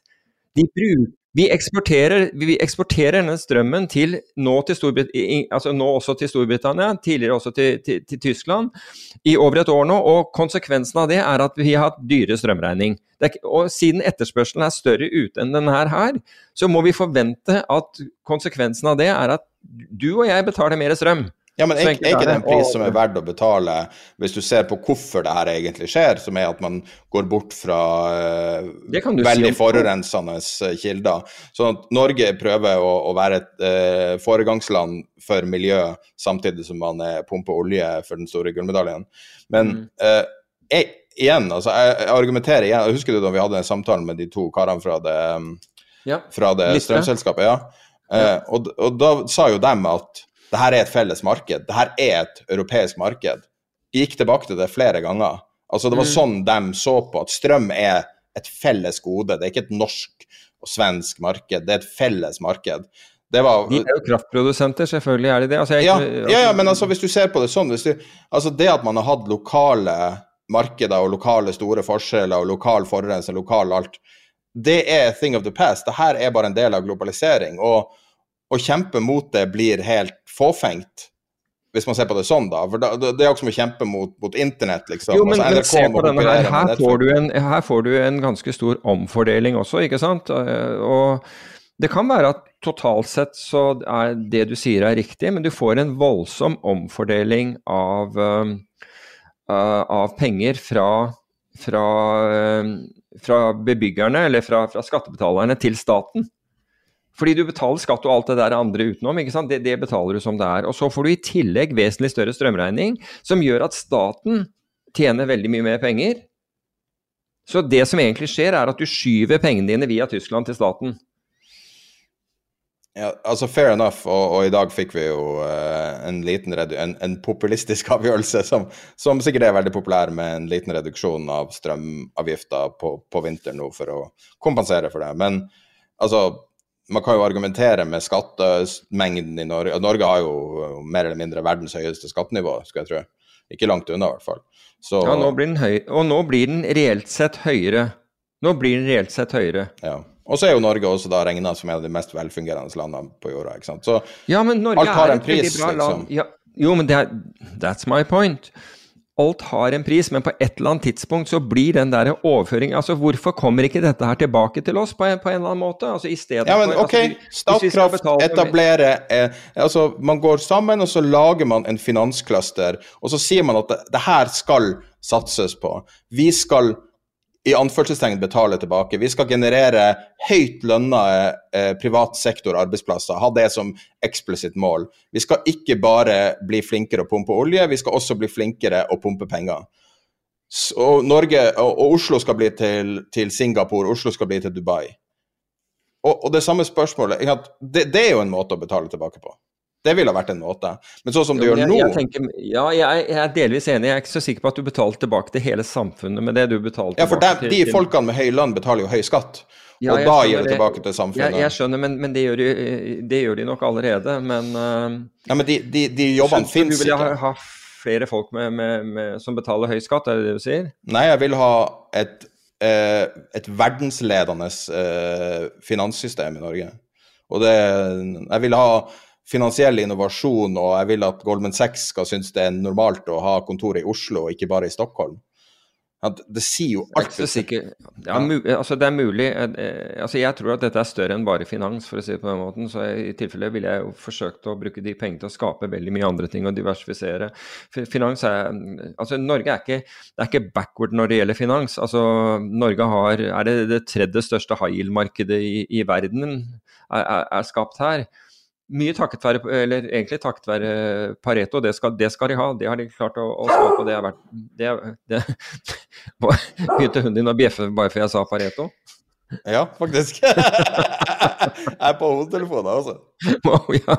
Det er klart at når hunden din flekker tenner når den hører, hører navnet på et meglerselskap, så, det, så blir, jeg blir, jeg litt engstelig. Han har kanskje Men, deltatt i noen av de emisjonene?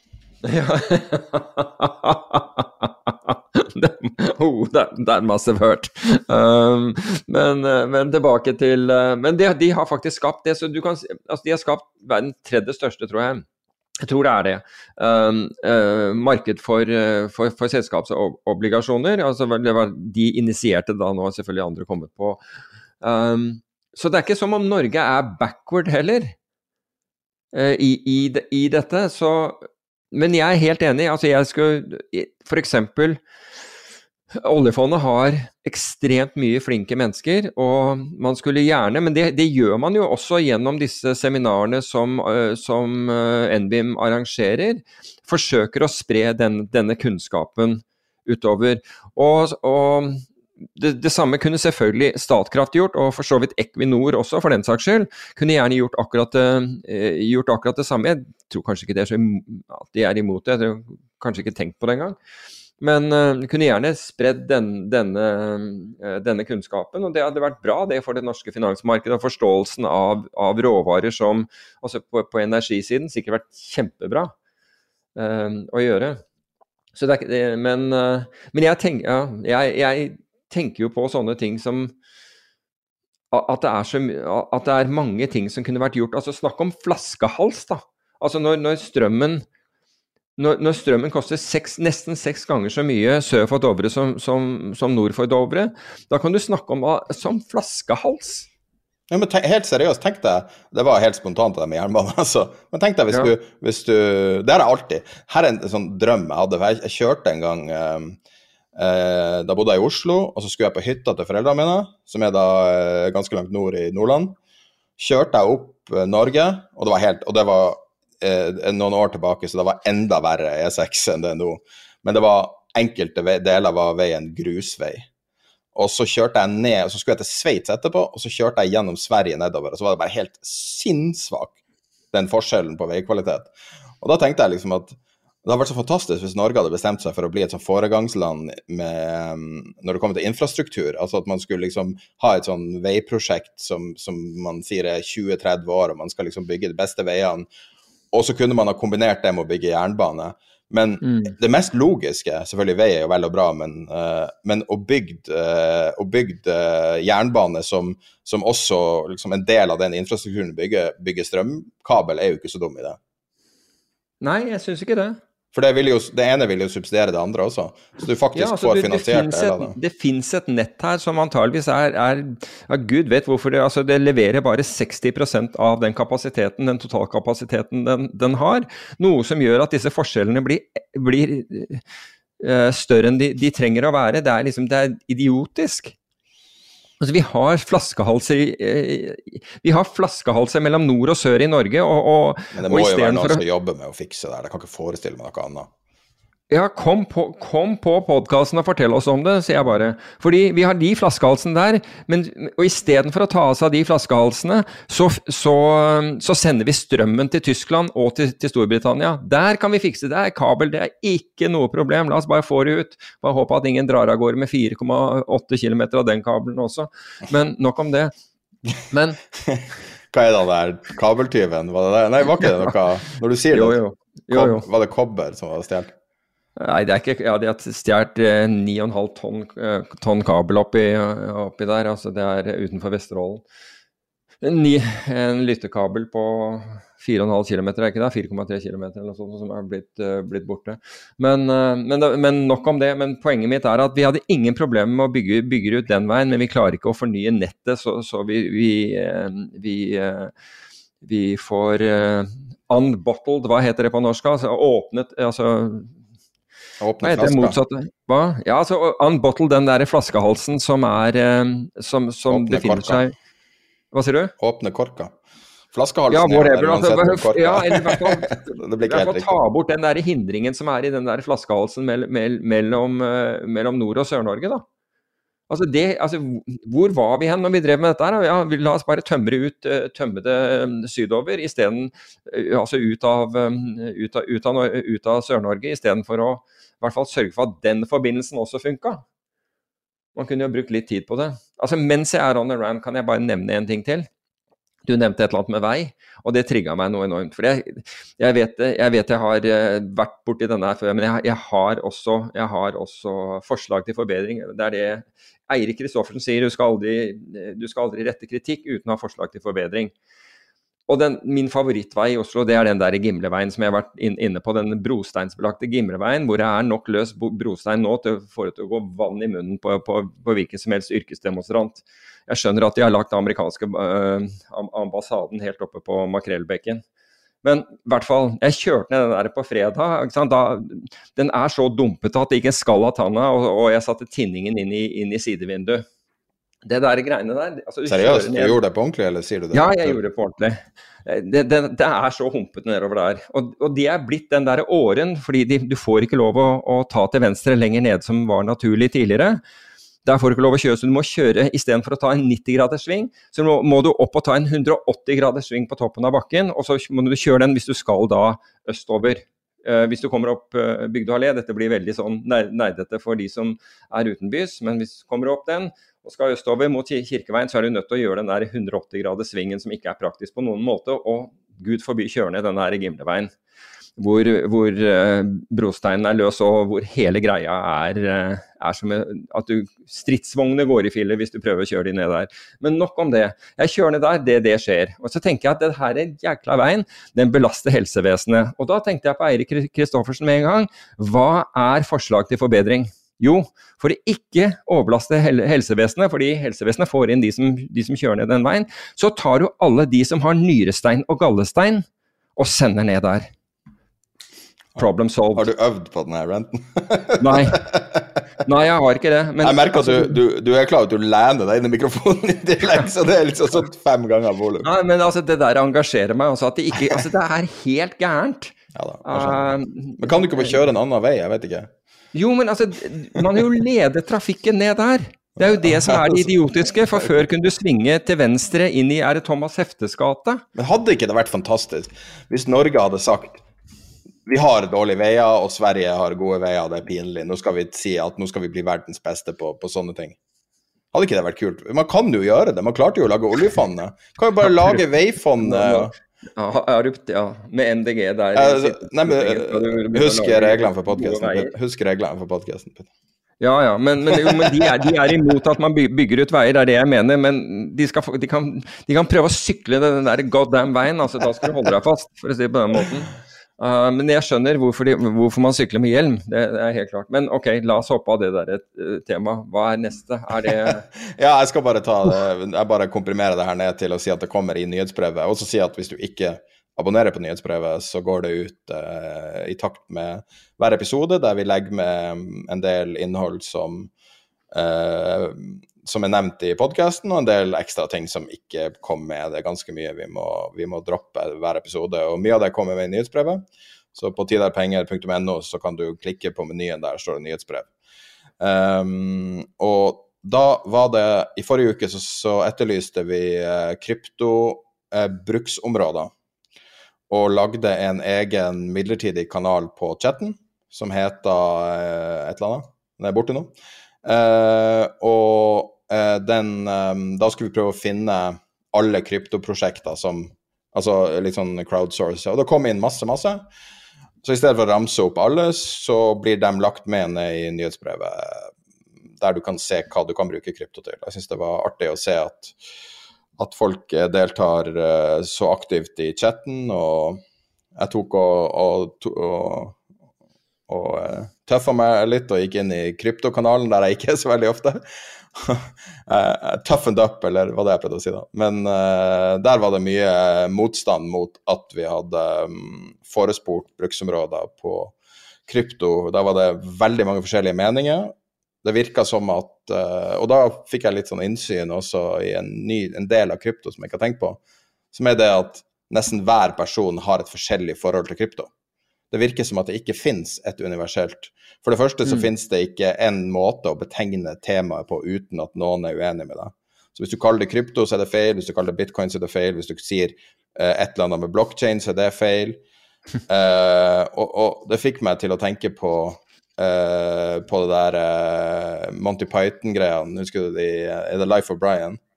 Mm. Der det er Hvis det er én ting Hva det heter de der uh, Galilei Romerne? Nei, de der, eh, de der, den motstandsgruppa som har oh, ja, The Popular Front for uh, ja.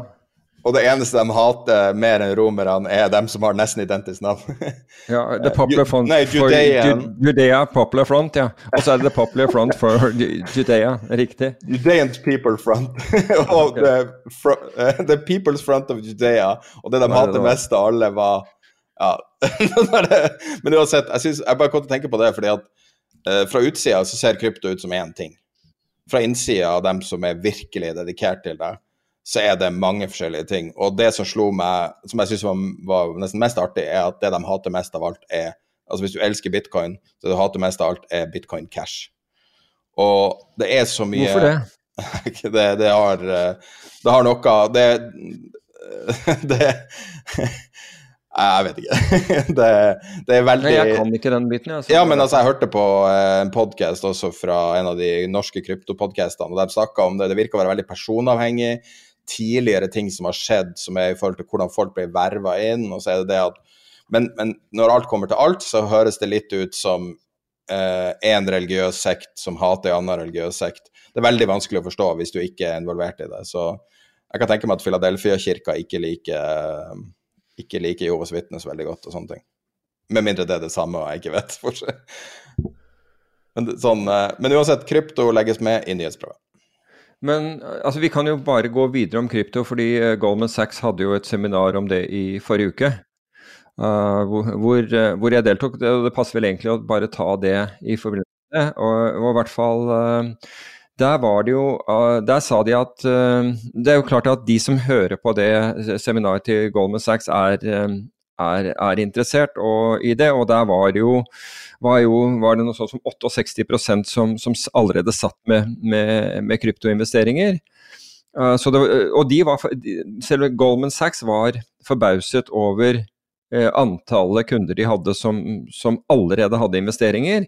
Og, og, da regnet de med at den øvrige var på en måte interessert, altså øvrige litt under en tredjedel, var interessert i, i, å skaffe seg det. Og de nevnte da en rekke store fond. Uh, som, uh, som, nå uh, som gjorde seg klare for det. For øvrig så sa Vikram Pandit, det er, det er, P og ikke B, bare så det er sagt, tidligere tidligere sjef for eh, Citicorp, altså Citibank, han, mente, han sa at alle store banker eh, kommer til å ha eh, til å ha desker og, og være som, som, som, handler i dette. Det, det var han ikke i, i tvil om. Men, sa du at han heter Pandit, ikke Bandit? Var det det du mente? Ja. ja. bare, bare, bare, for jeg er helt sikker på at jeg sa det riktig. Det er litt artig, da. Artig navn å ha hvis du jobber i Goldman Sachs. ja, nei, han bang, nei, han var eh, Citycorp.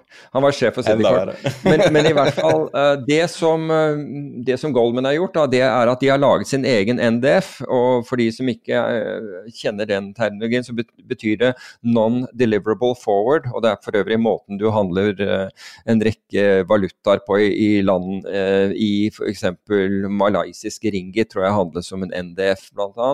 Og det rett og slett er en forward-kontrakt hvor, hvor, uh, hvor, du ikke da på slutten, når den forfaller, mottar valutaen, eller i dette tilfellet krypto, men den avregnes på samme måten som på, på børsen Chicago Mercantile Exchange. Så de har laget sin egen ND fordi det har vært så store, stor etterspørsel.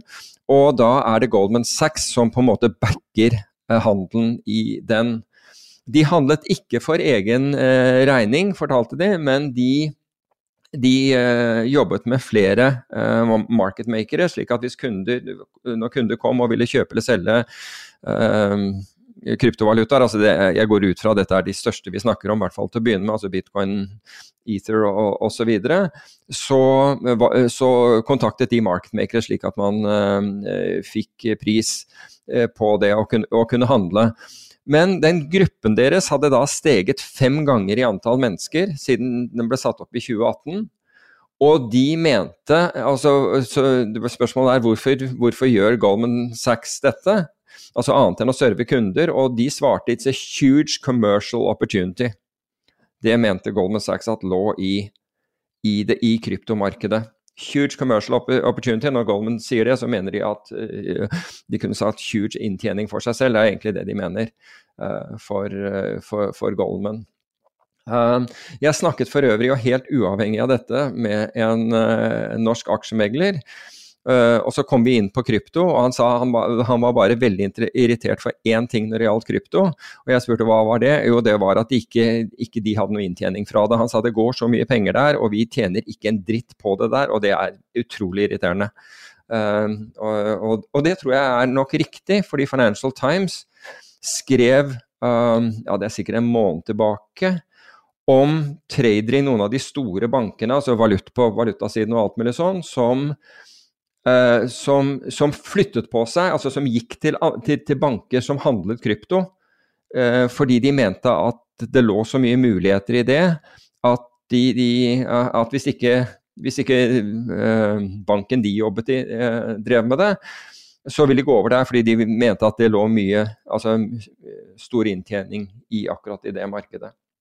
Men altså, som Goldman Sachs sa, huge commercial opportunity. Det er vel det det, Ellers så var det ganske sånn basic hvor man gikk gjennom de forskjellige formene for altså hvor, hvordan klæringen fungerte i de forskjellige markedene, og, og, gjennom de forskjellige produktene, sånn som NDF, Futures og, og, og Spot, sånn at kundene det var, litt, det, var, det var, vel basic, men det var for så vidt interessant. Det var det jeg hadde om det. Det høres litt lite sannsynlig ut at Goldman ikke gjør noe arbitrasje geografisk eller, eller annet på bitcoin, men uh, kanskje? Ja, altså de sa at de ikke de sa at de, ja, Nå sa de vi, vi trader ikke spot. Det de det, En ting til. De satte opp uh, Fordi det er til tider så stor forskjell mellom spot, f.eks. bitcoin, og future-prisen. Altså med andre ord, Hvis du kjøper spot og holder den i tre måneder, eller noe sånt, så får du en så høy rente på den at de hadde, satt opp sånne, de hadde laget noen sånne produkter Og da må jo Goldman hedge seg på en eller annen måte når de gjør de, så et eller annet må de antageligvis gjøre der. Men, eh, men, det var det stor interesse for hos, eh, hos, kundene, fordi de fikk en mye høyere rente på det enn om de kjøpte obligasjoner. Kanskje for å forhindre at denne episoden blir veldig veldig lang, skal vi flytte det fjerde temaet til neste uke? Uh, den er veldig rask for øvrig. Ja, da tar vi det med en gang. Ja. Uh, så uh, igjen på listen nå, så, så, snakket jeg i forrige uke om en, en studie som var laget av uh, over megleranbefalinger. Uh, og jeg kunne ikke, da, kunne ikke da nevne hvem det var, for jeg hadde ikke som hadde laget den. Men de, dette er en en, en, student som heter Lucas Ranaldi, som har laget den. og Han tok kontakt med en rekke meglerhus i håp om å få deres anbefalinger, slik at han kunne gjøre denne her analysen og se hvordan det hadde gått. Og han Jeg trodde han hadde fått fra en av dem. Uh, det viste seg å være feil. Uh, han fikk, var ingen som var villig til å gi fra seg den, den, informasjonen, og ingen som ville at noen skulle se på hvor bra det gikk med, med anbefalingene deres.